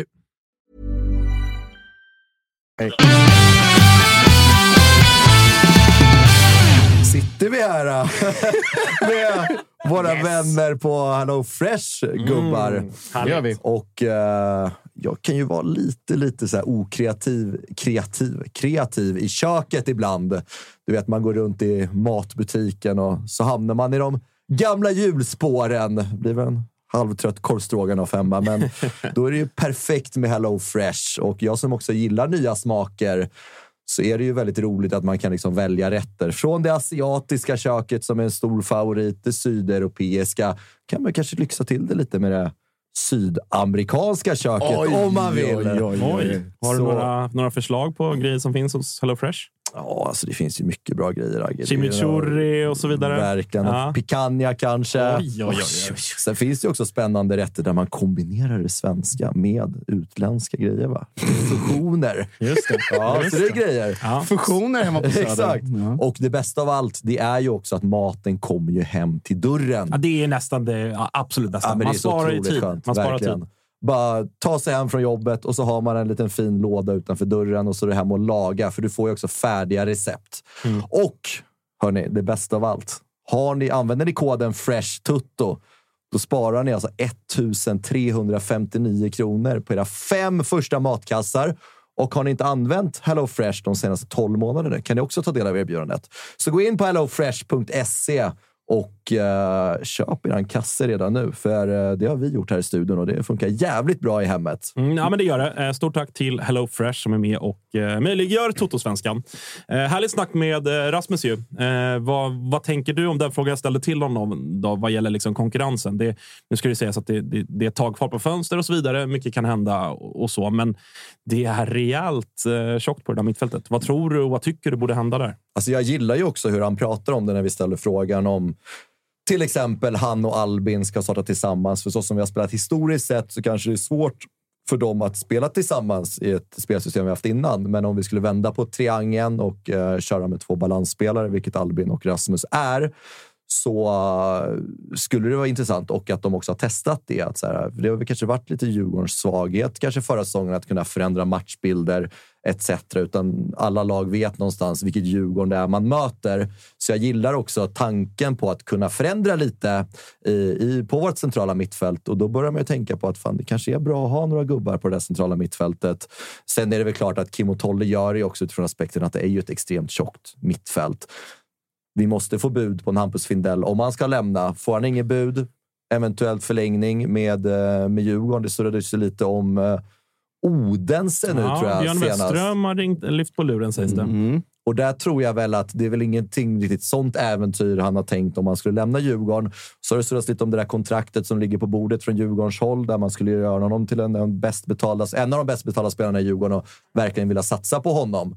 Eh, så att, så här, det är nog inte som många har räknat med helt liksom, att han kommer lämna. Eh, och, och då liksom, skulle vi ha ett centralt mittfält med Lidsholm, Findell, Mange, Albin och eh, Rasmus, då måste vi också ha viss rotation och kunna ändra Alltså lite på ganska spelsystemet. rejäl rotation får man väl säga utan att vara alldeles för liksom. Ja, men tre man måste ju försvinna helst igår. Alltså för alla skull. Både för, för de som är i laget och så liksom att det klargör. Alltså det, Rasmus pratar om dy, truppdynamik och att hitta liksom ett, ett sätt att gå framåt tillsammans efter fjolåret. Och då gäller det ju inte bara liksom att göra sig av med vissa karaktärer utan helt enkelt för att det inte finns plats. Nu räknar ju alla med iskallt med att Bergvall ska försvinna så att bara där är det ju redan ett minus. Sen är det ju... eh, Vad Det heter är inte nämnd Magnus Eriksson. Nej, men Mange eller Sabovic eller hur vi nu... Ja, just fan, jag glömde ju Ja, Sabovic. men att vi spelare liksom... Det är ju, Bergvall är redan en borta. Sen är det ju två till som liksom måste hitta nya klubbadresser, både för sin egen skull men också för Djurgårdens, för att de också ska kunna släppa fjolåret på något sätt och, och kunna gå vidare. Och vi pratade väl i, för några veckor sedan om Leach Holm som var over the moon när han kom. Och sen plötsligt så är det fortfarande liksom fyra veckor, fem veckor senare och ingenting har hänt. Det är fortfarande nu nästan kommit ännu fler spelare. Nej, det är. Isak Almajeus som lämnar Feyenoord nu på lån, men det var ingen som hade, hade Nej, honom nej, ingen som det Nej. Nej. utan det, det är väl fram, framförallt Sabovic och Eriksson som eh, måste hitta, hitta nya miljöer och sammanhang och, och liksom komma rätt för sin egen skull också. Men också för, som du säger, att det är också en balansgång. Ska du, ska du ha kvar ett x antal mittfältare för att du behöver rotera för att det kommer vara hårt matchande för att till exempel Albin, att man inte räknar med att han spelar mer än, än tio matcher eller vad det nu är. Eller liksom skadebenägenhet eller avstängningar och sådana. Så att den gränslinjen måste också dras internt. Och det, det är jag helt övertygad om att, eller om att Djurgården har. Det är bara frågan vem som ska bort. Och exakt. Och så här, ska vi ha då sex stycken centrala mittfältare, då ska också någonstans den sjätte spelaren ska också vara en spelare som inte blir missnöjd över att den inte får spela, utan den är ju också där som backup. Och den spelaren finns ju inte nu i truppen, Nej, det är utan det det, här tänkte. är spelare Alla de här som ser sig vill själva spela. som startspelare. Exakt, och det är där också mycket problematiken ligger i alla de här namnen som vi rabblade upp nu. Hade vi haft två yngre förmågor, 16-17, som var 6-7, då hade det varit en helt annan dynamik i det här. Men så här, när, när vi pratar om det, också mycket så här kring Lukas Bergvall, det är också lite därför jag är anti att så här, okej, nu snackas det om Barcelona idag. Eh, De ska återkomma med nytt bud. Eh, alla är ju där och rycker nu. Men, så här, Men där snackas det ju också om att han ska vara kvar till Exakt, sommaren. Och, och det- det, det är jag inte alls tänd på den tanken att. Barcelona köper honom och sen ska han lånas ut till Djurgården Mm. till sommaren. Då ska det vara så att spela en ung spelare som spelar i Djurgården för att han ska få en utväxling i Djurgården och sen ska lämna inför sommaren och då få andra spelare som inte får spela Ja, då frigör ju man ju inte en plats ändå. Och det- även om man säljer honom för Och det- väldigt mycket pengar. Och det funkar ju i mindre klubbar. Alltså det tydligaste exemplet är ju Noah Persson och, och Young Boys. Alltså att du, du är fortfarande tokgiven. Du är den som ska spela hela tiden och det är liksom alternativen där bakom är sådär i Mm. ärlighetens namn. Eller när storklubbar köper från andra större klubbar i vad är det, Kroatien till exempel. Man köper en 16-årig mittback, eller Tottenham köper en 16-årig mittback. Han ska vara kvar. Har fortfarande inte gjort en enda minut sedan den försäljningen. Nu ska han liksom på lån till Holland utan en enda spelminut i benen och alla de här grejerna. Men liksom skeppa iväg direkt då. Liksom. Mm. Hitta, hitta rätt miljö och rätt kontext för den spelarens utveckling, men också för att du ska få avkastning på din investering. Vad ger det Barca om Bergvall är kvar i, i sex månader till? Det är mer skada till Djurgården än vad det är nytta för dem. Ja, och, så, och vi, så, vi hade ju en situation, även om det var ju andra liksom, eh, spelare och såklart alla, alla spelare är ju sina egna liksom, personligheter och så vidare. Men, men det fanns en situation i samband med liksom, Europaspelet då det framförallt kanske var kring, kring liksom, fronttrion där det också var en, en liksom, väldigt stor konkurrens och många som värderades ungefär lika. Där det blev liksom, situationer och det läckte ut lite missnöje och, och så vidare. och så vidare det är ju, det är den risken man, man tar, som Rasmus också lite grann mellan raderna tycker jag är inne på. att så här, Det är i grunden bra med konkurrens, ja, men det kan också bli ett problem. Och sen om vi Alltså- jämför den där offensiven, om vi kollar på vårt centrala mittfält, det är ju också en helt annan hylla på nivån. Det är Ja, alltså det är- otrolig klass Verkligen. på många spelare. Eh, och med klass kommer ju också egon som vill spela, så är det.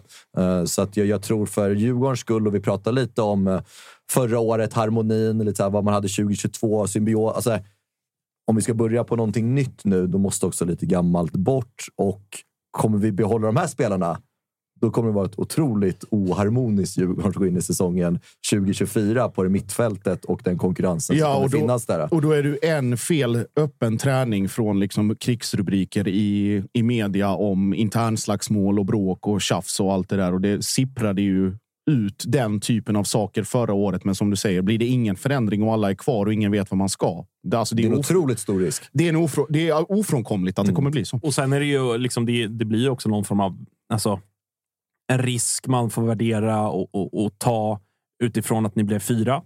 Vilket betyder att det finns en hyfsat bra möjlighet till Europaspel trots allt. Alltså dels kan ni ju, herregud, det är klart att Djurgården kan vinna kuppen, men också utifrån att någon av de andra topp tre-lagen kan vinna cup. Alltså det, är väl, det är väl ganska troligt att det blir så, men det är ingen garanti. Alltså, då blir det ju på något sätt, så här, skulle, skulle Djurgården ändå få kvala till ett Europa och med alla de matcher som, som innebär, eller för, förhoppningsvis då ur, ur liksom Djurgårds ögon sett, då, då blir det ju lite enklare på något sätt att kanske ha ytterligare en spelare i alla fall. Då kanske man kan göra sig av med, med Sabovic till exempel.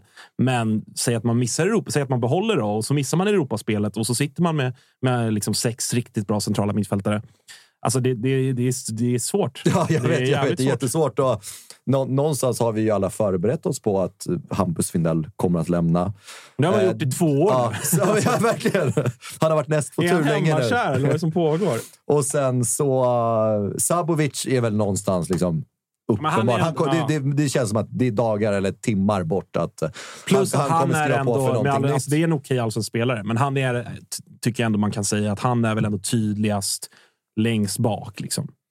Ja, I förhållande till vad som finns. Alltså Exakt. det, Och det, du- det är väl inte elakt att säga Och så. du, du, exakt, och det, det, är också, det känns också jobbigt för det är en bra fotbollsspelare. Absolut. Och att han är den sista av alla de här bra centrala mittfältarna. Och de som plockar honom, om det blir, eh, snackas lite om Västerås. Jag tror BP ligger jättenära till hands för honom att gå till. Så. Snackades om Peking också. Mm. Exakt. Men, eh, och, v, VSK är bara att glömma. Det finns inte en chans att han går dit. Och så blir man ju lite så ah, Jesper Löfgren lånas ut till Luzern. tänker man så här, fan det har varit så jävla skönt. Och det var en central mittfältare som lämnade nu för att det börjar bli tjockt nu. Och sen så, ja, vi pratade om det i eh, onsdags. Just det. klart det kittlar i kistan när Jonathan Ring nämns. Ja. så, så, sjukt, alltså, så, så sjukt att samtidigt som det ryktet kommer sneglar jag till höger. Jag sitter och käkar lunch på Tures med familjen. Sitter Jonathan Ring och hans familj. Bordet bredvid. Ja. Tänkte man bara så här. Vad fan? Vad hände här? Fan, är... Ingenting ont om Jonathan Ring som person, Men men, är- men, så här, ska vi någonstans... Vi kan inte heller gå runt och nöja oss med topp fyra placeringar år in och år ut. Det är, så här, det har, det har varit, så här, det är bra, vi, vi kommer inte sämre än fyra, men vi måste också gå för guldet. Jonathan Ring gubben och plocka in för att gå mot guldet? Det, det tror inte jag just nu. Är, var inte det bara... Det jag läste in mellan raderna av um, Bosses uttalande kring det där. Han stänger inte dörren. Nej, men är inte det... Jag såg att det var någon, någon djurgårdare som skrev det på Twitter också. eh, Om det var Robin Fredriksson eller vem det nu var. eh, Skitsamma. Men, men så här, var inte det bara en så här tillräckligt liksom hövlig ton mot en gammal spelare som trots allt var med och vann SM-guld med er. Absolut. Att man, så här, man håller en re- respektfull ton för det du har gjort. Och man vill inte bara säga nej, her- herregud, nej, han är bara här och håller igång lite för att säsongen i Sydkorea är på paus. Alltså, sådär. Mm. Det var det jag läste in. Det var inte liksom det här. Jag tycker ändå man, Bosse brukar ändå vara så pass transparent. Sen gillar ju Bosse spelet också. Men jag, tycker det var, jag tyckte det var tydligt att det där var bara så här. Han är här och tränar. Vi kommer inte värva Jonathan Ring. Nej, och jag tror väl att det finns en viss frustration hos många djurgårdare nu. Vad som händer lite med spelare ut och spelare in. Många har inte varit nöjda över Miro Tenjo. Nu hör vi från Rasmus Schüller att han visar klass nere på träningarna. Sen är det alltid, alltså första och andra veckan på träningssäsongen, då är det de nya och de unga som visar framfötterna. Eh, så att det är klart han har, han har mycket att bevisa, men jag tror det finns en frustration hos Djurgårdssupportrar att man inte har löst de offensiva delarna, att vi har otroligt mycket spelare på det centrala mittfältet och någonstans att man vill få in en klass mittback. Uh, och då kommer ryktet om Jonathan Ring på det, så att då blir det frustration. Men jag är lite inne som du också tänker, Agge, och säger att så här, vi måste också ha respekt för de som har varit hos Djurgården innan. Och jag har väldigt svårt att se att Jonathan Ring skulle komma till Djurgården. Däremot, däremot någon som skulle kunna komma och som faktiskt, sjukt nog när man tittar på reaktionerna, bara var rent missnöje. Det är alltså på riktigt hymmet. Att det, ry- att det ryktet kommer. Jag tror att hymmet hade gjort jättebra i Djurgården. Jag menar inte att han bombar in 15 kassar och gör sju assist, men likväl är det en, en typ av spelare som Djurgården behöver och som har den höjden i sig att kunna göra de här sakerna. För vad- vad lite förtroende kan göra, att han var given liksom sparringpartner eller kanske till och med alternativ till Militarajovic. Men när han fick det förtroendet i Kalmar och gjorde det han gjorde i de matcherna. Han gjorde det dessutom. Det är liksom matchavgörande mål mot Häcken hemma. Det är en superinsats och en, liksom en, en klack till Simon Skrabb i 94 mot MFF och alla de bitarna. Så att jag tror att, att hymmet och vill man och vill han så kan det nog bli väldigt, väldigt bra. Sen förstår man också, det är som du är inne på, alltså så här, det är en katastrofsäsong i alla avseenden, men man kommer ändå fyra. Men nu är man van vid att det kommer liksom klassspelare, att det kommer dyra spelare, att det är omskrivna eh, namn som nämns i Djurgårdssammanhang och att Bosse har liksom det track recordet han har bortsett från det förra fönstret. Men likväl att det blir så här. Jaha, är det Men- där vi är? Okej, typ? men, men, okej, men så här då. Alltså så här, jag, jag tycker också så här, Dennis Hymmet, en bra allsvensk forward. Mm. Alltså så, tre plus. Men, men vad, ska han, alltså så här, vad ska han till Djurgården göra?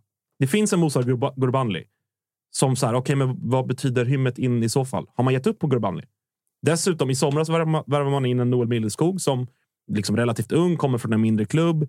Ingen jättelyckad start så, men så här, vad hade man för förväntningar så tidigt? Kanske inte jättestora. Någonstans tror man väl ändå på honom då på sikt eftersom man har värvat honom. Vad ska du med en tredje gubbe till? För man får väl anta att man kommer spela med en forward. Så jag räknar väl någonstans med en eventuell Alltså, utlåning på, på Billeskog. Och så här, Ja, det, Ja, och, och, och det okej. säger ju också mycket, tror jag, vad, vad man kanske då känner för Mosa om man nu skulle plocka in Hymmet. Nu vet vi inte, det är spekulation. Eh, Men, Men kommer, kommer, kommer han in och så här, är det en nia som ska spotta in mål som vi ska ha? Eller börjar vi liksom omvärdera lite nya rollen i Djurgården? Att vi märker att den är så pass isolerad så kan Hymmet erbjuda någonting annat än mål som gör att våra yttrar kanske kommer till bättre lägen. Eh, så, och även vår liksom, centrala offensiva pjäs på mittfältet kommer till bra lägen. Kanske det man värderar då med värvning av Hymmet, att han kan liksom ge dem lösningarna i ett anfallsspel i Djurgården istället.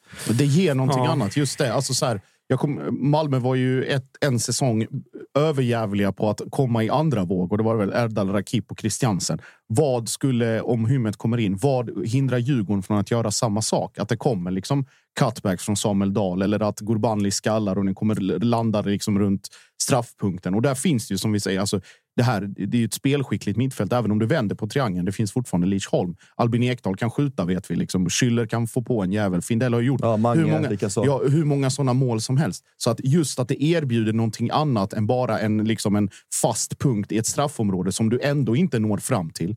Jag vet inte. Det borde, ja. det borde vara... Alltså, alltså, så så här, här- det kanske kan vara en full träff, men jag förstår reaktionerna utifrån att man, man kommer från en säsong där, där Djurgården är besvikna. Man sitter på en rejäl kassa och dessutom liksom eh, en indirekt ännu större kassa i och med Lukas Bergvall. Som liksom, oavsett om det blir nu eller sommaren eller när det nu blir så vet man om att där har vi väldigt många miljoner in när som helst, när vi vill i princip. Jag kan fatta då att man känner att är det det här? Är det den, alltså, nu spyr jag ju lite av, av eh, givna anledningar att prata hyllor, men, men, men liksom, är det den hyllan vi plockar ifrån? Ska vi, ska vi inte satsa nu? Alltså, vi har god ekonomi, som du, som du säger Freddy. Ni ska ju liksom aspirera på ett SM-guld, inte nöja er med att vara fyra. Jag säger inte att ni gör det, men jag kan förstå att man känner att rykten kring Dennis Hymmet signalerar snarare att så här, ja, men helt okej. Alltså, Eller, eller med just den Men det kanske kan bli fullträff, vad om vet du? Om du vänder på det, med den vetskapen och den kassan man har så är ju hymmet en förhållandevis rätt billig lösning. Du har fortfarande mycket pengar kvar och du kan dessutom hämta någon i sommar om det skulle bli aktuellt. Eh, spännande. Vi ska ringa upp eh, Jonathan Ederström, chef. Så inte säga liksom. Bara generellt. Bara, chef, bara chef. chef i eh, Sirius. titel. Är väl sportchef-ish, men... Mm. eh, men Nyrik.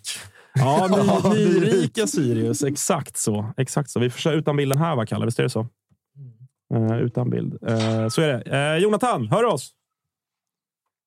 Jag hör er. Härligt. Ja, den funkade bilden. Vi har haft lite strul här nämligen, men, men vi, vi ser det i alla fall. Hur är läget? All right. Det är bra. Hur mår ni? Vi mår eh, bra. Vi har suttit och pratat lite, lite Djurgården här. Josip vill in direkt med en fråga. Ja, nu ser ju jag dig, eller vi ser dig i bild. Är det ett power statement som nyrik att klara av kylan och ta samtalet utomhus? Eh, absolut. De har insett infravärme på arenan. Ja, ja, ja. Det är där, det är där alla pengarna har lagts. Ja, helt rätt. Helt rätt. Eh, du, hur, eh, vad är status Sirius? Hur, eh, hur bråda dagar är det för dig just nu? Eh, nej, men det är ganska intensivt skulle jag säga. Vi, eh, eh, det har varit det här ett par veckor tillbaka och det kommer nog vara det några veckor.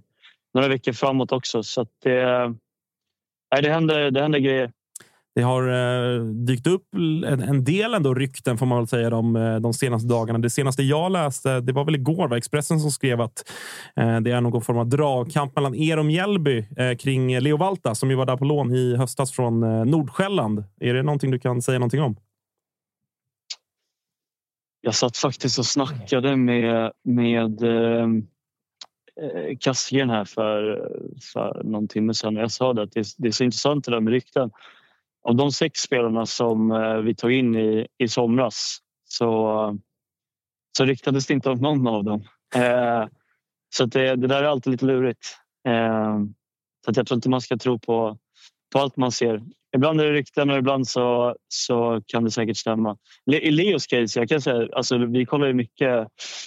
Eh, vi scoutar mycket eh, andra ligan i Danmark och han var, han var jättefin när han spelade där. Så att det är en duktig fotbollsspelare. Eh, men mer än så så eh, kommer jag inte säga. Du, eh, ni är inte ensamma om att scouta i andra ligan i Danmark du. Nej, det, är- Guldgruva. det, är- det, är väl- det är väl ganska tydligt att vi inte är det. Men eh, några, några form av pionjärer, kan man säga så? Nej, Kalmar kanske var före va? Eh, ja, de, de, var, vet, ja, de var ju före med att ta hit eh, eh, Rajovic. där. Det vart en jävla succé för dem. Så att, de får väl ta den. Hur är det annars med, du nämnde Kastegren, han har ju varit med här ett par gånger också. Jag, jag blev så glad över att läsa, att så här, januariturnén, det är ju lite grann vad det är och, och sådär. Men alla vi allsvenska supportrar följer det för att man ofta har någon, någon eller ett par spelare från sitt eget lag.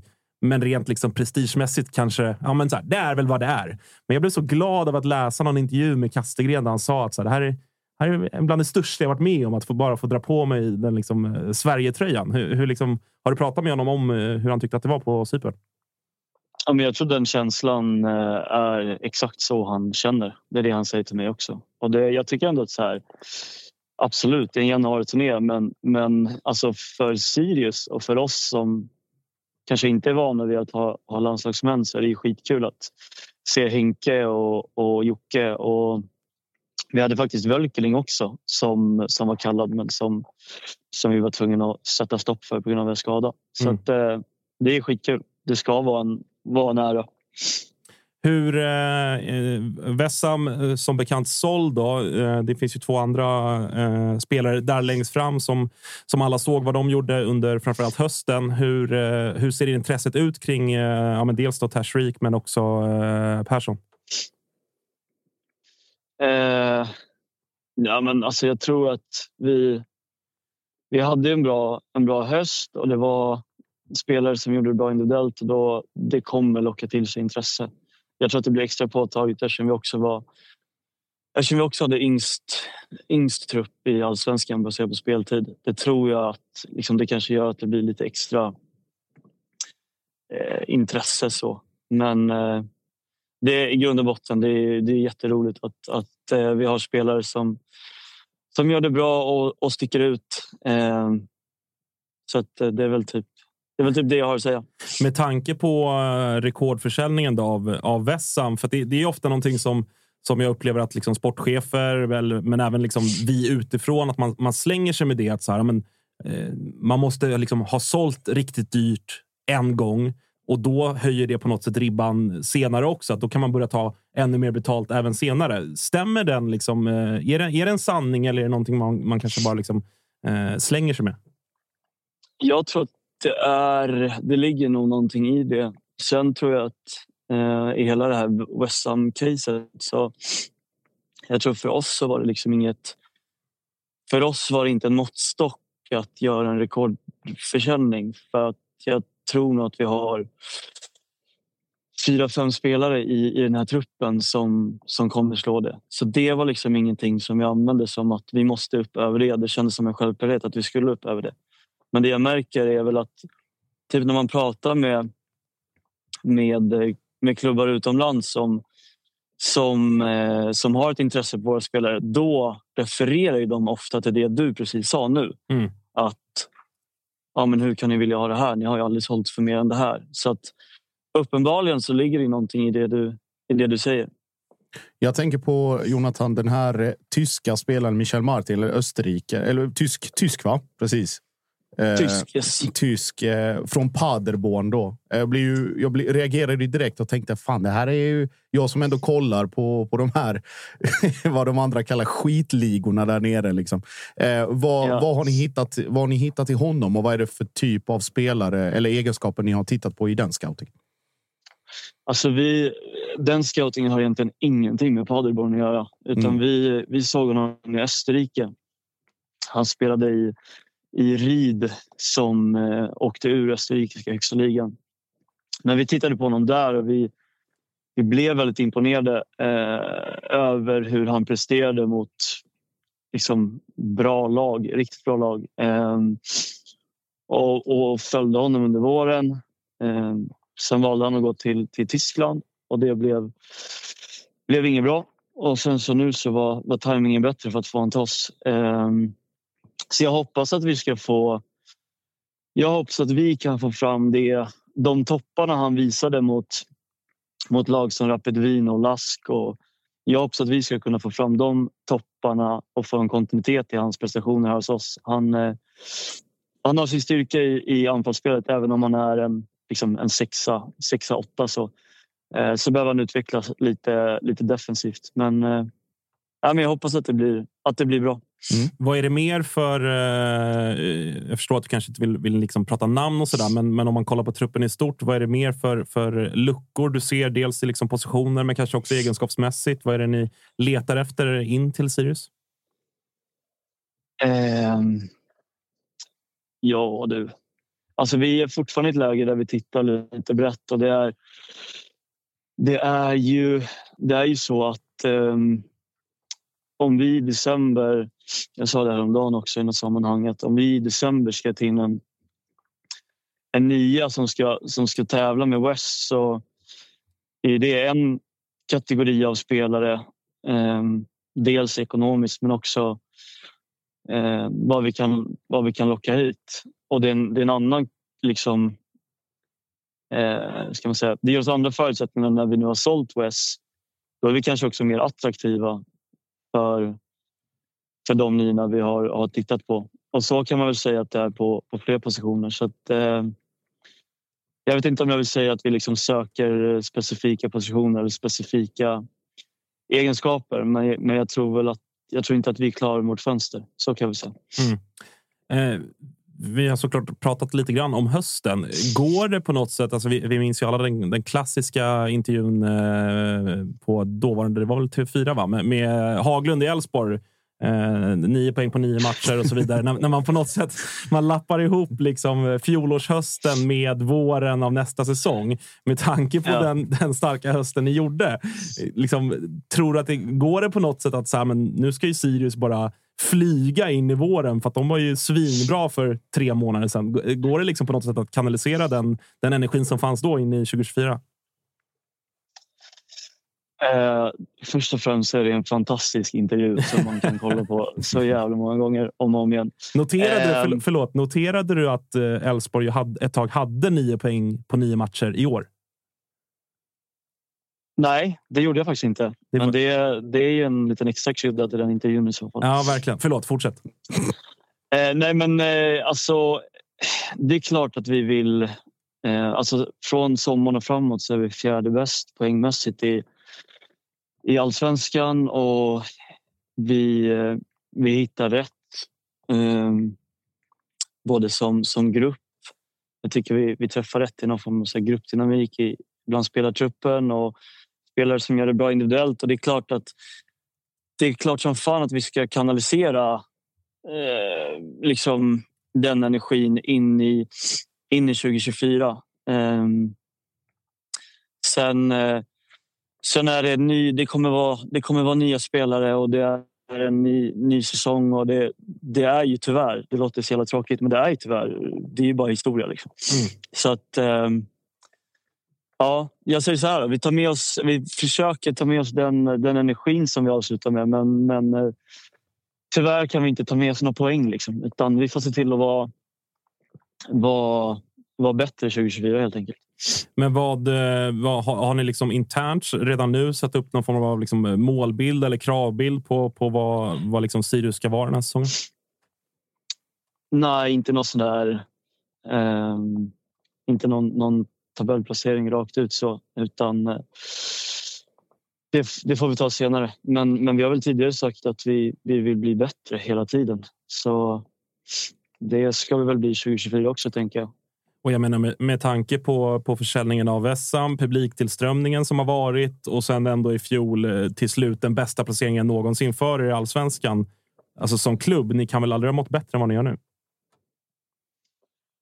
Eh, nej, alltså vi, vi mår bra. Jag tror att eh, klubben har ju de som har varit... Det är lätt för oss som är här nu, jag och eh, liksom nuvarande tränarstab, att, att man, man bara ser till sista halvåret. Men det är också ett arbete som har, som har gjorts över tid med, med Christer Abrahamsson och Ola Andersson i, i, ja, i täten. Så, så att, eh, hårt jobb eh, över tid kanske har lönat sig nu. Då. Och då får vi väl försöka jobba, jobba, jobba ännu hårdare för att det ska fortsätta bli bra. Liksom.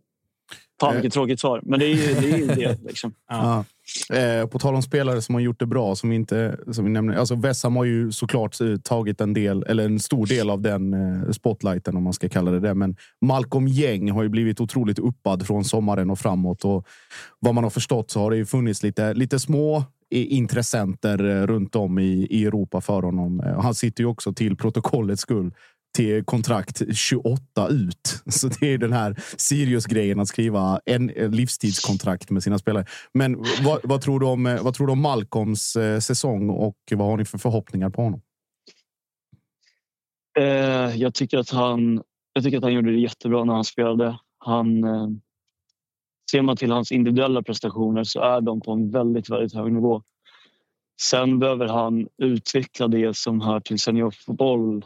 Vilket att, alltså, han ska inte vara, bara vara bra i sin egen prestation. Han ska också göra andra bättre. Kanske extra viktigt om man är mittback.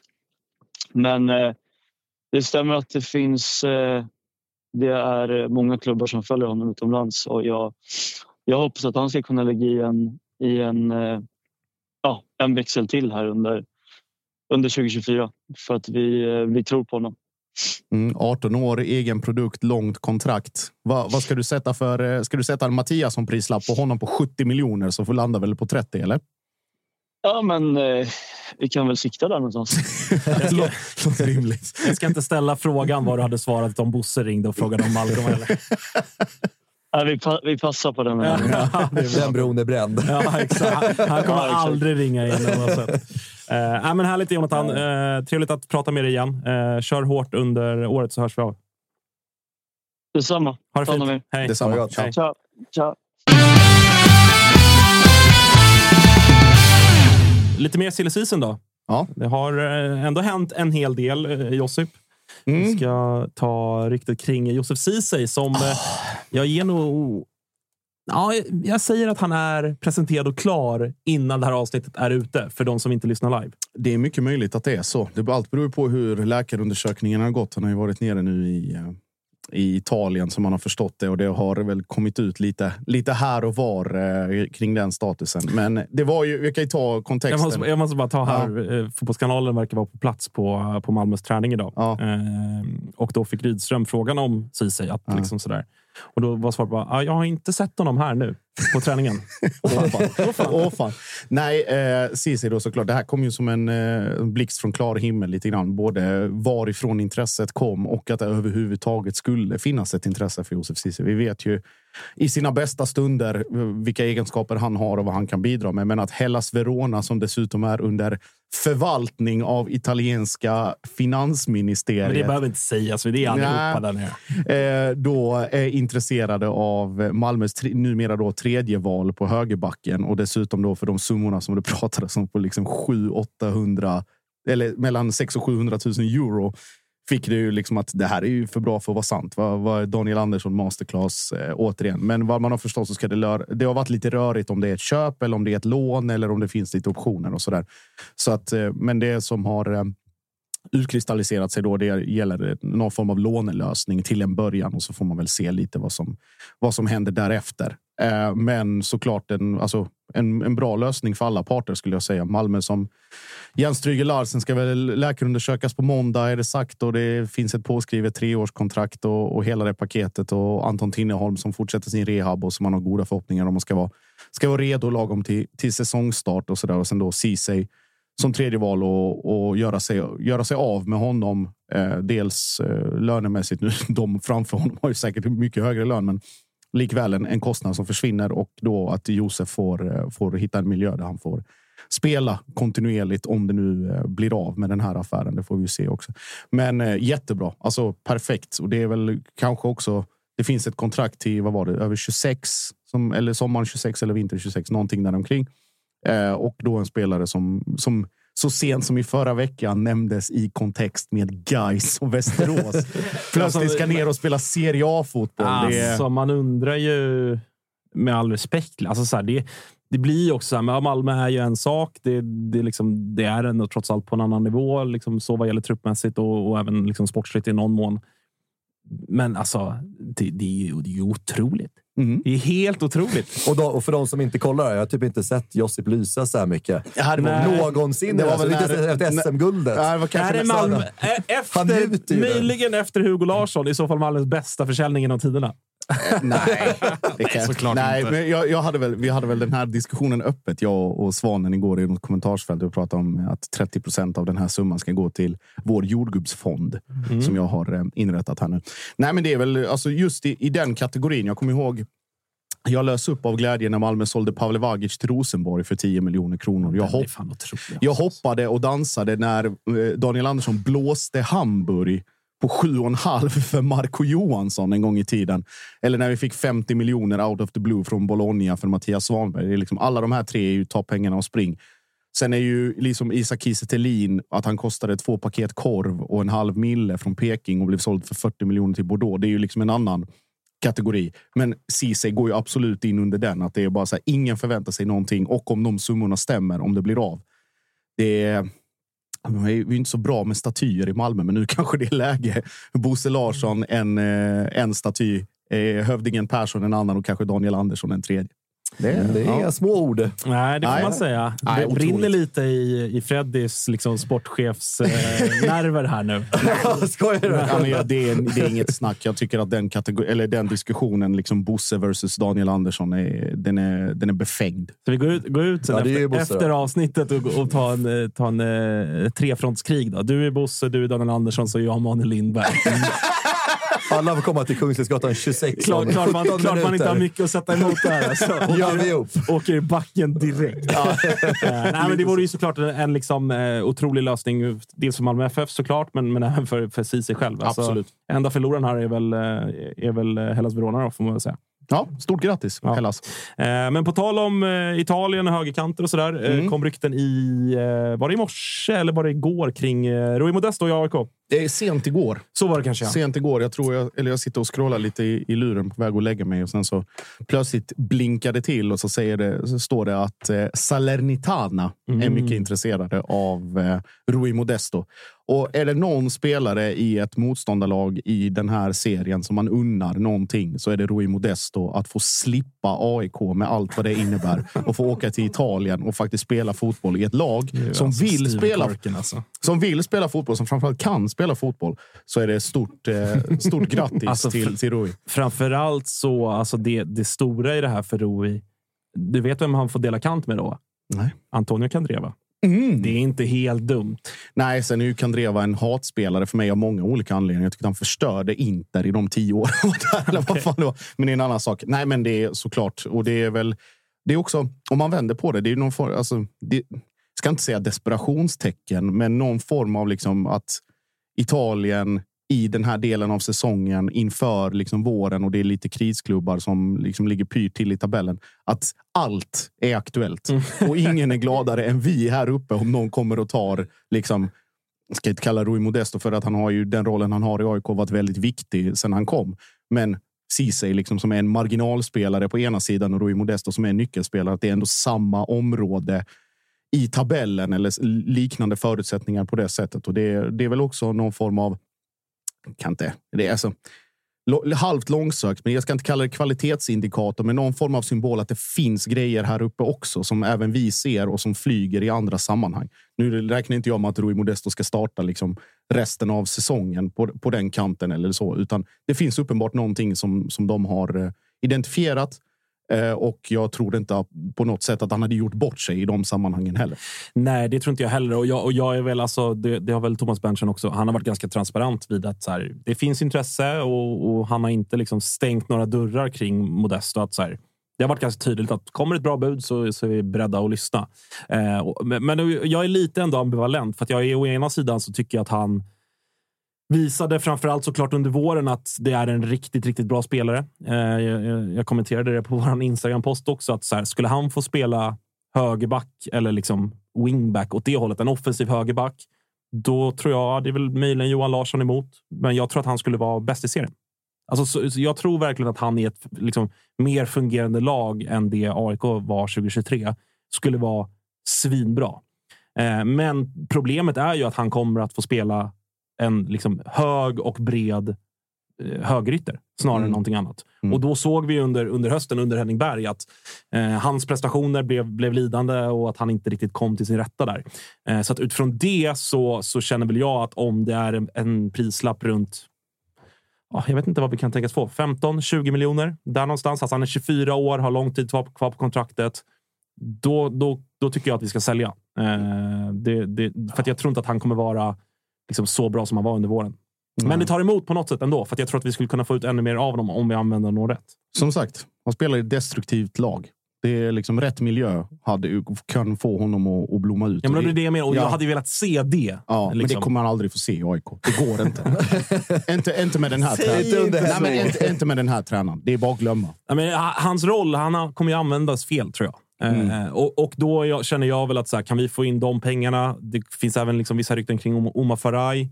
Det skulle på något sätt stabilisera upp en ekonomi. Det skulle kunna kanske göra att vi kanske inte måste sälja Jona Kusiasare nu i vinter. Utan, eh, liksom, och, och Mm. hans liksom, hack i ordningen hoppar upp ett steg om Omar skulle försvinna också. Eh, och, och framförallt ekonomiska liksom, så skulle det liksom...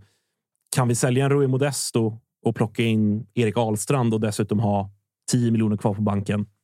Kör. Alltså Mm. det, det, det är svårt att säga någonting annat utifrån det sättet som AIK spelar fotboll. Absolut. Och det, när du nämnde ändå Kusiasare och eh, de ryktena som har varit där. börjar viskas lite lätt om att eh, tyskarna har löst det där. Alltså. Eh, och att det är väl en fråga om tid när det blir eh, officiellt. Så ytterligare 30 procent till den här jordgubbsfonden Eh, tackar vi BP för. Så att det, ja, det är, vilken, vilken jävla fredag! Men, men Omar stannar då, eller? Ja, det vet vi ju inte Han heller. drar också. Fan. Det var tu- tunt ut där framme. Ja, då är det ju bara, Bara Pittas kvar. Pittas och JG kvar. det är bara B- B- B till höger makt. Men, men jag, tydligen svettas JG väldigt mycket på träningarna, så det är ett bra Ja, tecken. alltså, det, det går inte att säga så mycket om liksom hur, han, hur han ser ut fysiskt jämfört med hur det var för ett år sedan. Alltså där, där, han har jobbat hårt, så mycket kan man ju säga. Sen är, är troligtvis ändå vägen tillbaka rimligen liksom brant fortsatt. Eh, Och jag, jag, jag, jag, jag vill vänta och se, så mycket kan jag väl säga. för, för, för att uttrycka mig diplomatiskt. Ja, det är bra. Det är bra. Eh, Så är det. Eh, Härligt då. Eh, Ska vi BP sätta sprätt på lite pengar nu också? Alltså, Simon B- Tibbling. Ja, BP som snackas om. Simon Tibbling. Man plockade in eh, Rasmus Örqvist från Degerfors som jag Mm. tror är en riktigt bra värvning liksom med BP mått mätt. Alltså, det här som vi pratade om för någon månad sedan eller vad det var. Att BP håller på att skaffa sig förutsättningar som de inte, liksom, och möjligheter som de inte haft tidigare. Mm. Och det tycker jag att man ser i, i dels liksom värvningen av Örqvist och det man lite grann gjorde redan inför förra säsongen. Och om liksom Tibbling-ryktet skulle visa sig stämma. Alltså, Ja, och sen behålla Mellberg. Jag tror det är viktigt Ja, alltså, alltså, för, för exakt, Tibbling att komma till BP då. Med Precis. Mellberg tror jag är mycket för att Tibbling ska komma tillbaka till BP. det, det är liksom, av allt att döma så BP går ju i alla fall i sina handlingar på förhand mot att så här, vi kommer inte vara det här jojo-laget längre. Mm. Eh, Det, det får man väl säga. Och det är långsiktigt arbete som leder till att Exakt. man har de här förutsättningarna nu. Vi kan ju nämna också en annan central mittfältare som har varit omskriven. Eh, Wendersson. Eh, där det finns fortsatt utländskt intresse, men där vår vän Enes tydligen är väldigt, väldigt hård i eh, sin eh, bedömning kring vad som är rätt, rätt bud och inte för Wendersson. Så får vi se hur den... Eh, Har man hört någonting kring bud, alltså storlek på buden? Ja, det är med allsvenska mått mätt rätt, alltså ganska bra pengar med tanke på vad Värnamo är, med all respekt. Mm. Så att det är väl, det är väl liksom en, en, en prislapp eller nu ett bud som hade fått en del och bara så här, oj, okej, det, det är där vi är. Eh, Högre, för högt för att det ska liksom finnas ett rimligt eh, inhemskt intresse. Om du förstår frågan. Jag förstår precis vad du menar och det är väl... N- nej, det tror jag inte. Men i, med tanke på vad Värnamo är för förening och eh, vad man är i den, om man ska kalla det trötta begreppet, näringskedjan i allsvenskan och intressemässigt utomlands så är det. Jag blir förvånad över hur, eh, hur hårda de är eh, i de förhandlingarna. Men jag vet inte. Jag är inte sportchef. Det är Enes. Det får väl han svara på. Vi får väl se helt enkelt vad som händer med Wendersson och alla andra, höll jag på att säga. Mm. Eh, vi ska börja runda av, men eh, fan vad kul ändå att det är eh, liksom försäsongsmatcher som börjar trumma igång. Vi hörde Rasmus säga det, är- det är BP borta imorgon. Fan, vi spelar ju idag. AIK lirar ikväll Ja, mot Slavia mm. Prag. Mm. Liga tvåan i Tjeckien piskade på Sönderjysk eller Silkeborg. Vad fan det var, typ Sönderjysk, det är 3-0. 4-0. 4-0. Så att det, det Så i försäsongssvenskan vid eventuell seger, är det plus det, en då? Ja, absolut. Ja. Det, är, det är nästan plus två skulle jag säga. Nu börjar Nej, vi det är ta plus på. en. Eh, nej, men försäsongssvenskan, vi kommer ju köra den i år igen. Till eh, min stora förtvivlan. Mm. Eh, det, det är rörigt och det kommer vara mycket räkna och mycket jidder och så vidare. Vi kommer lägga ut eh, liksom reglerna som gäller. Jag vet inte om vi har reviderat något. För, vi, vi har väl försökt göra det lite tydligare än förra året.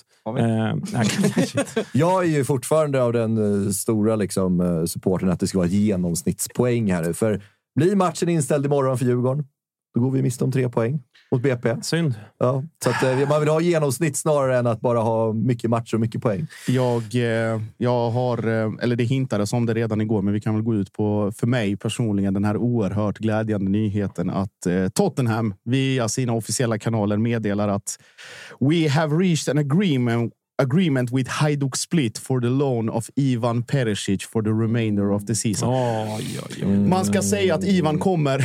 Han är, full, han är, han är rakt i sin rehabilitering för en korsbandsskada. Men eh, nej. det- Pokaler ska lyftas. Nej, jag... Ja. Det är...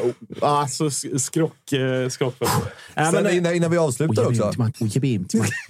Fan, Det, eh, det där var alltså det Kalle klippte in där. Det är inte jag som svär, utan det är vad de säger uppe i Zagreb på Dinamos kontor nu när de såg den här nyheten. Agges stora favorit Carola flyttat till Norrköping eventuellt. Ja, Amadeus till Det är ju- Peking sägs det. Din stora förtret. Ja, jag gillar ju Carola. framförallt Carola, Ja. men även Amadeus. Ja, lite verkligen. grann. Eh, sådär. Eller alltså.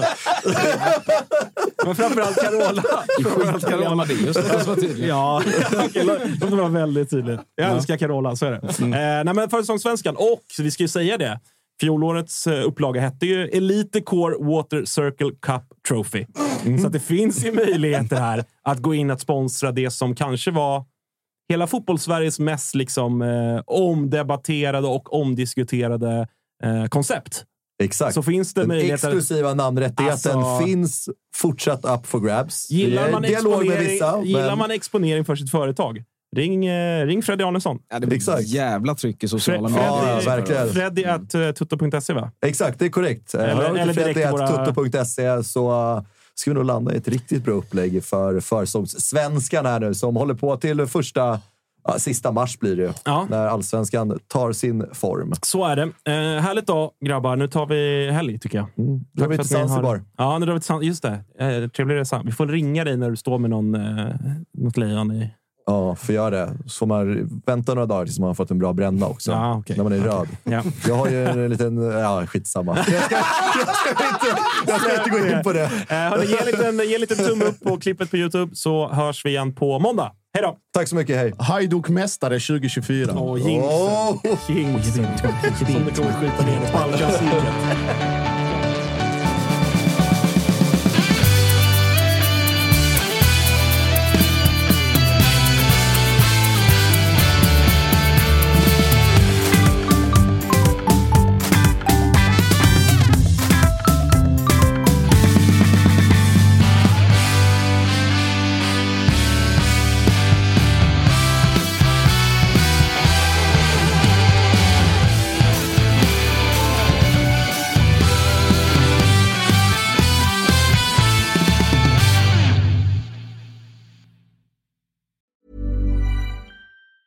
Hi, I'm Daniel, founder of Pretty Litter. Did you know cats tend to hide symptoms of sickness and pain? I learned this the hard way after losing my cat, Gingy. So I created Pretty Litter, a health monitoring litter that helps detect early signs of illness by changing colors, saving you money and potentially your cat's life. Pretty Litter is veterinarian developed, and it's the easiest way to keep tabs on your fur baby's health right at home. Go to prettylitter.com and use code ACAST for 20% off your first order and a free cat toy. Terms and conditions apply. See site for details.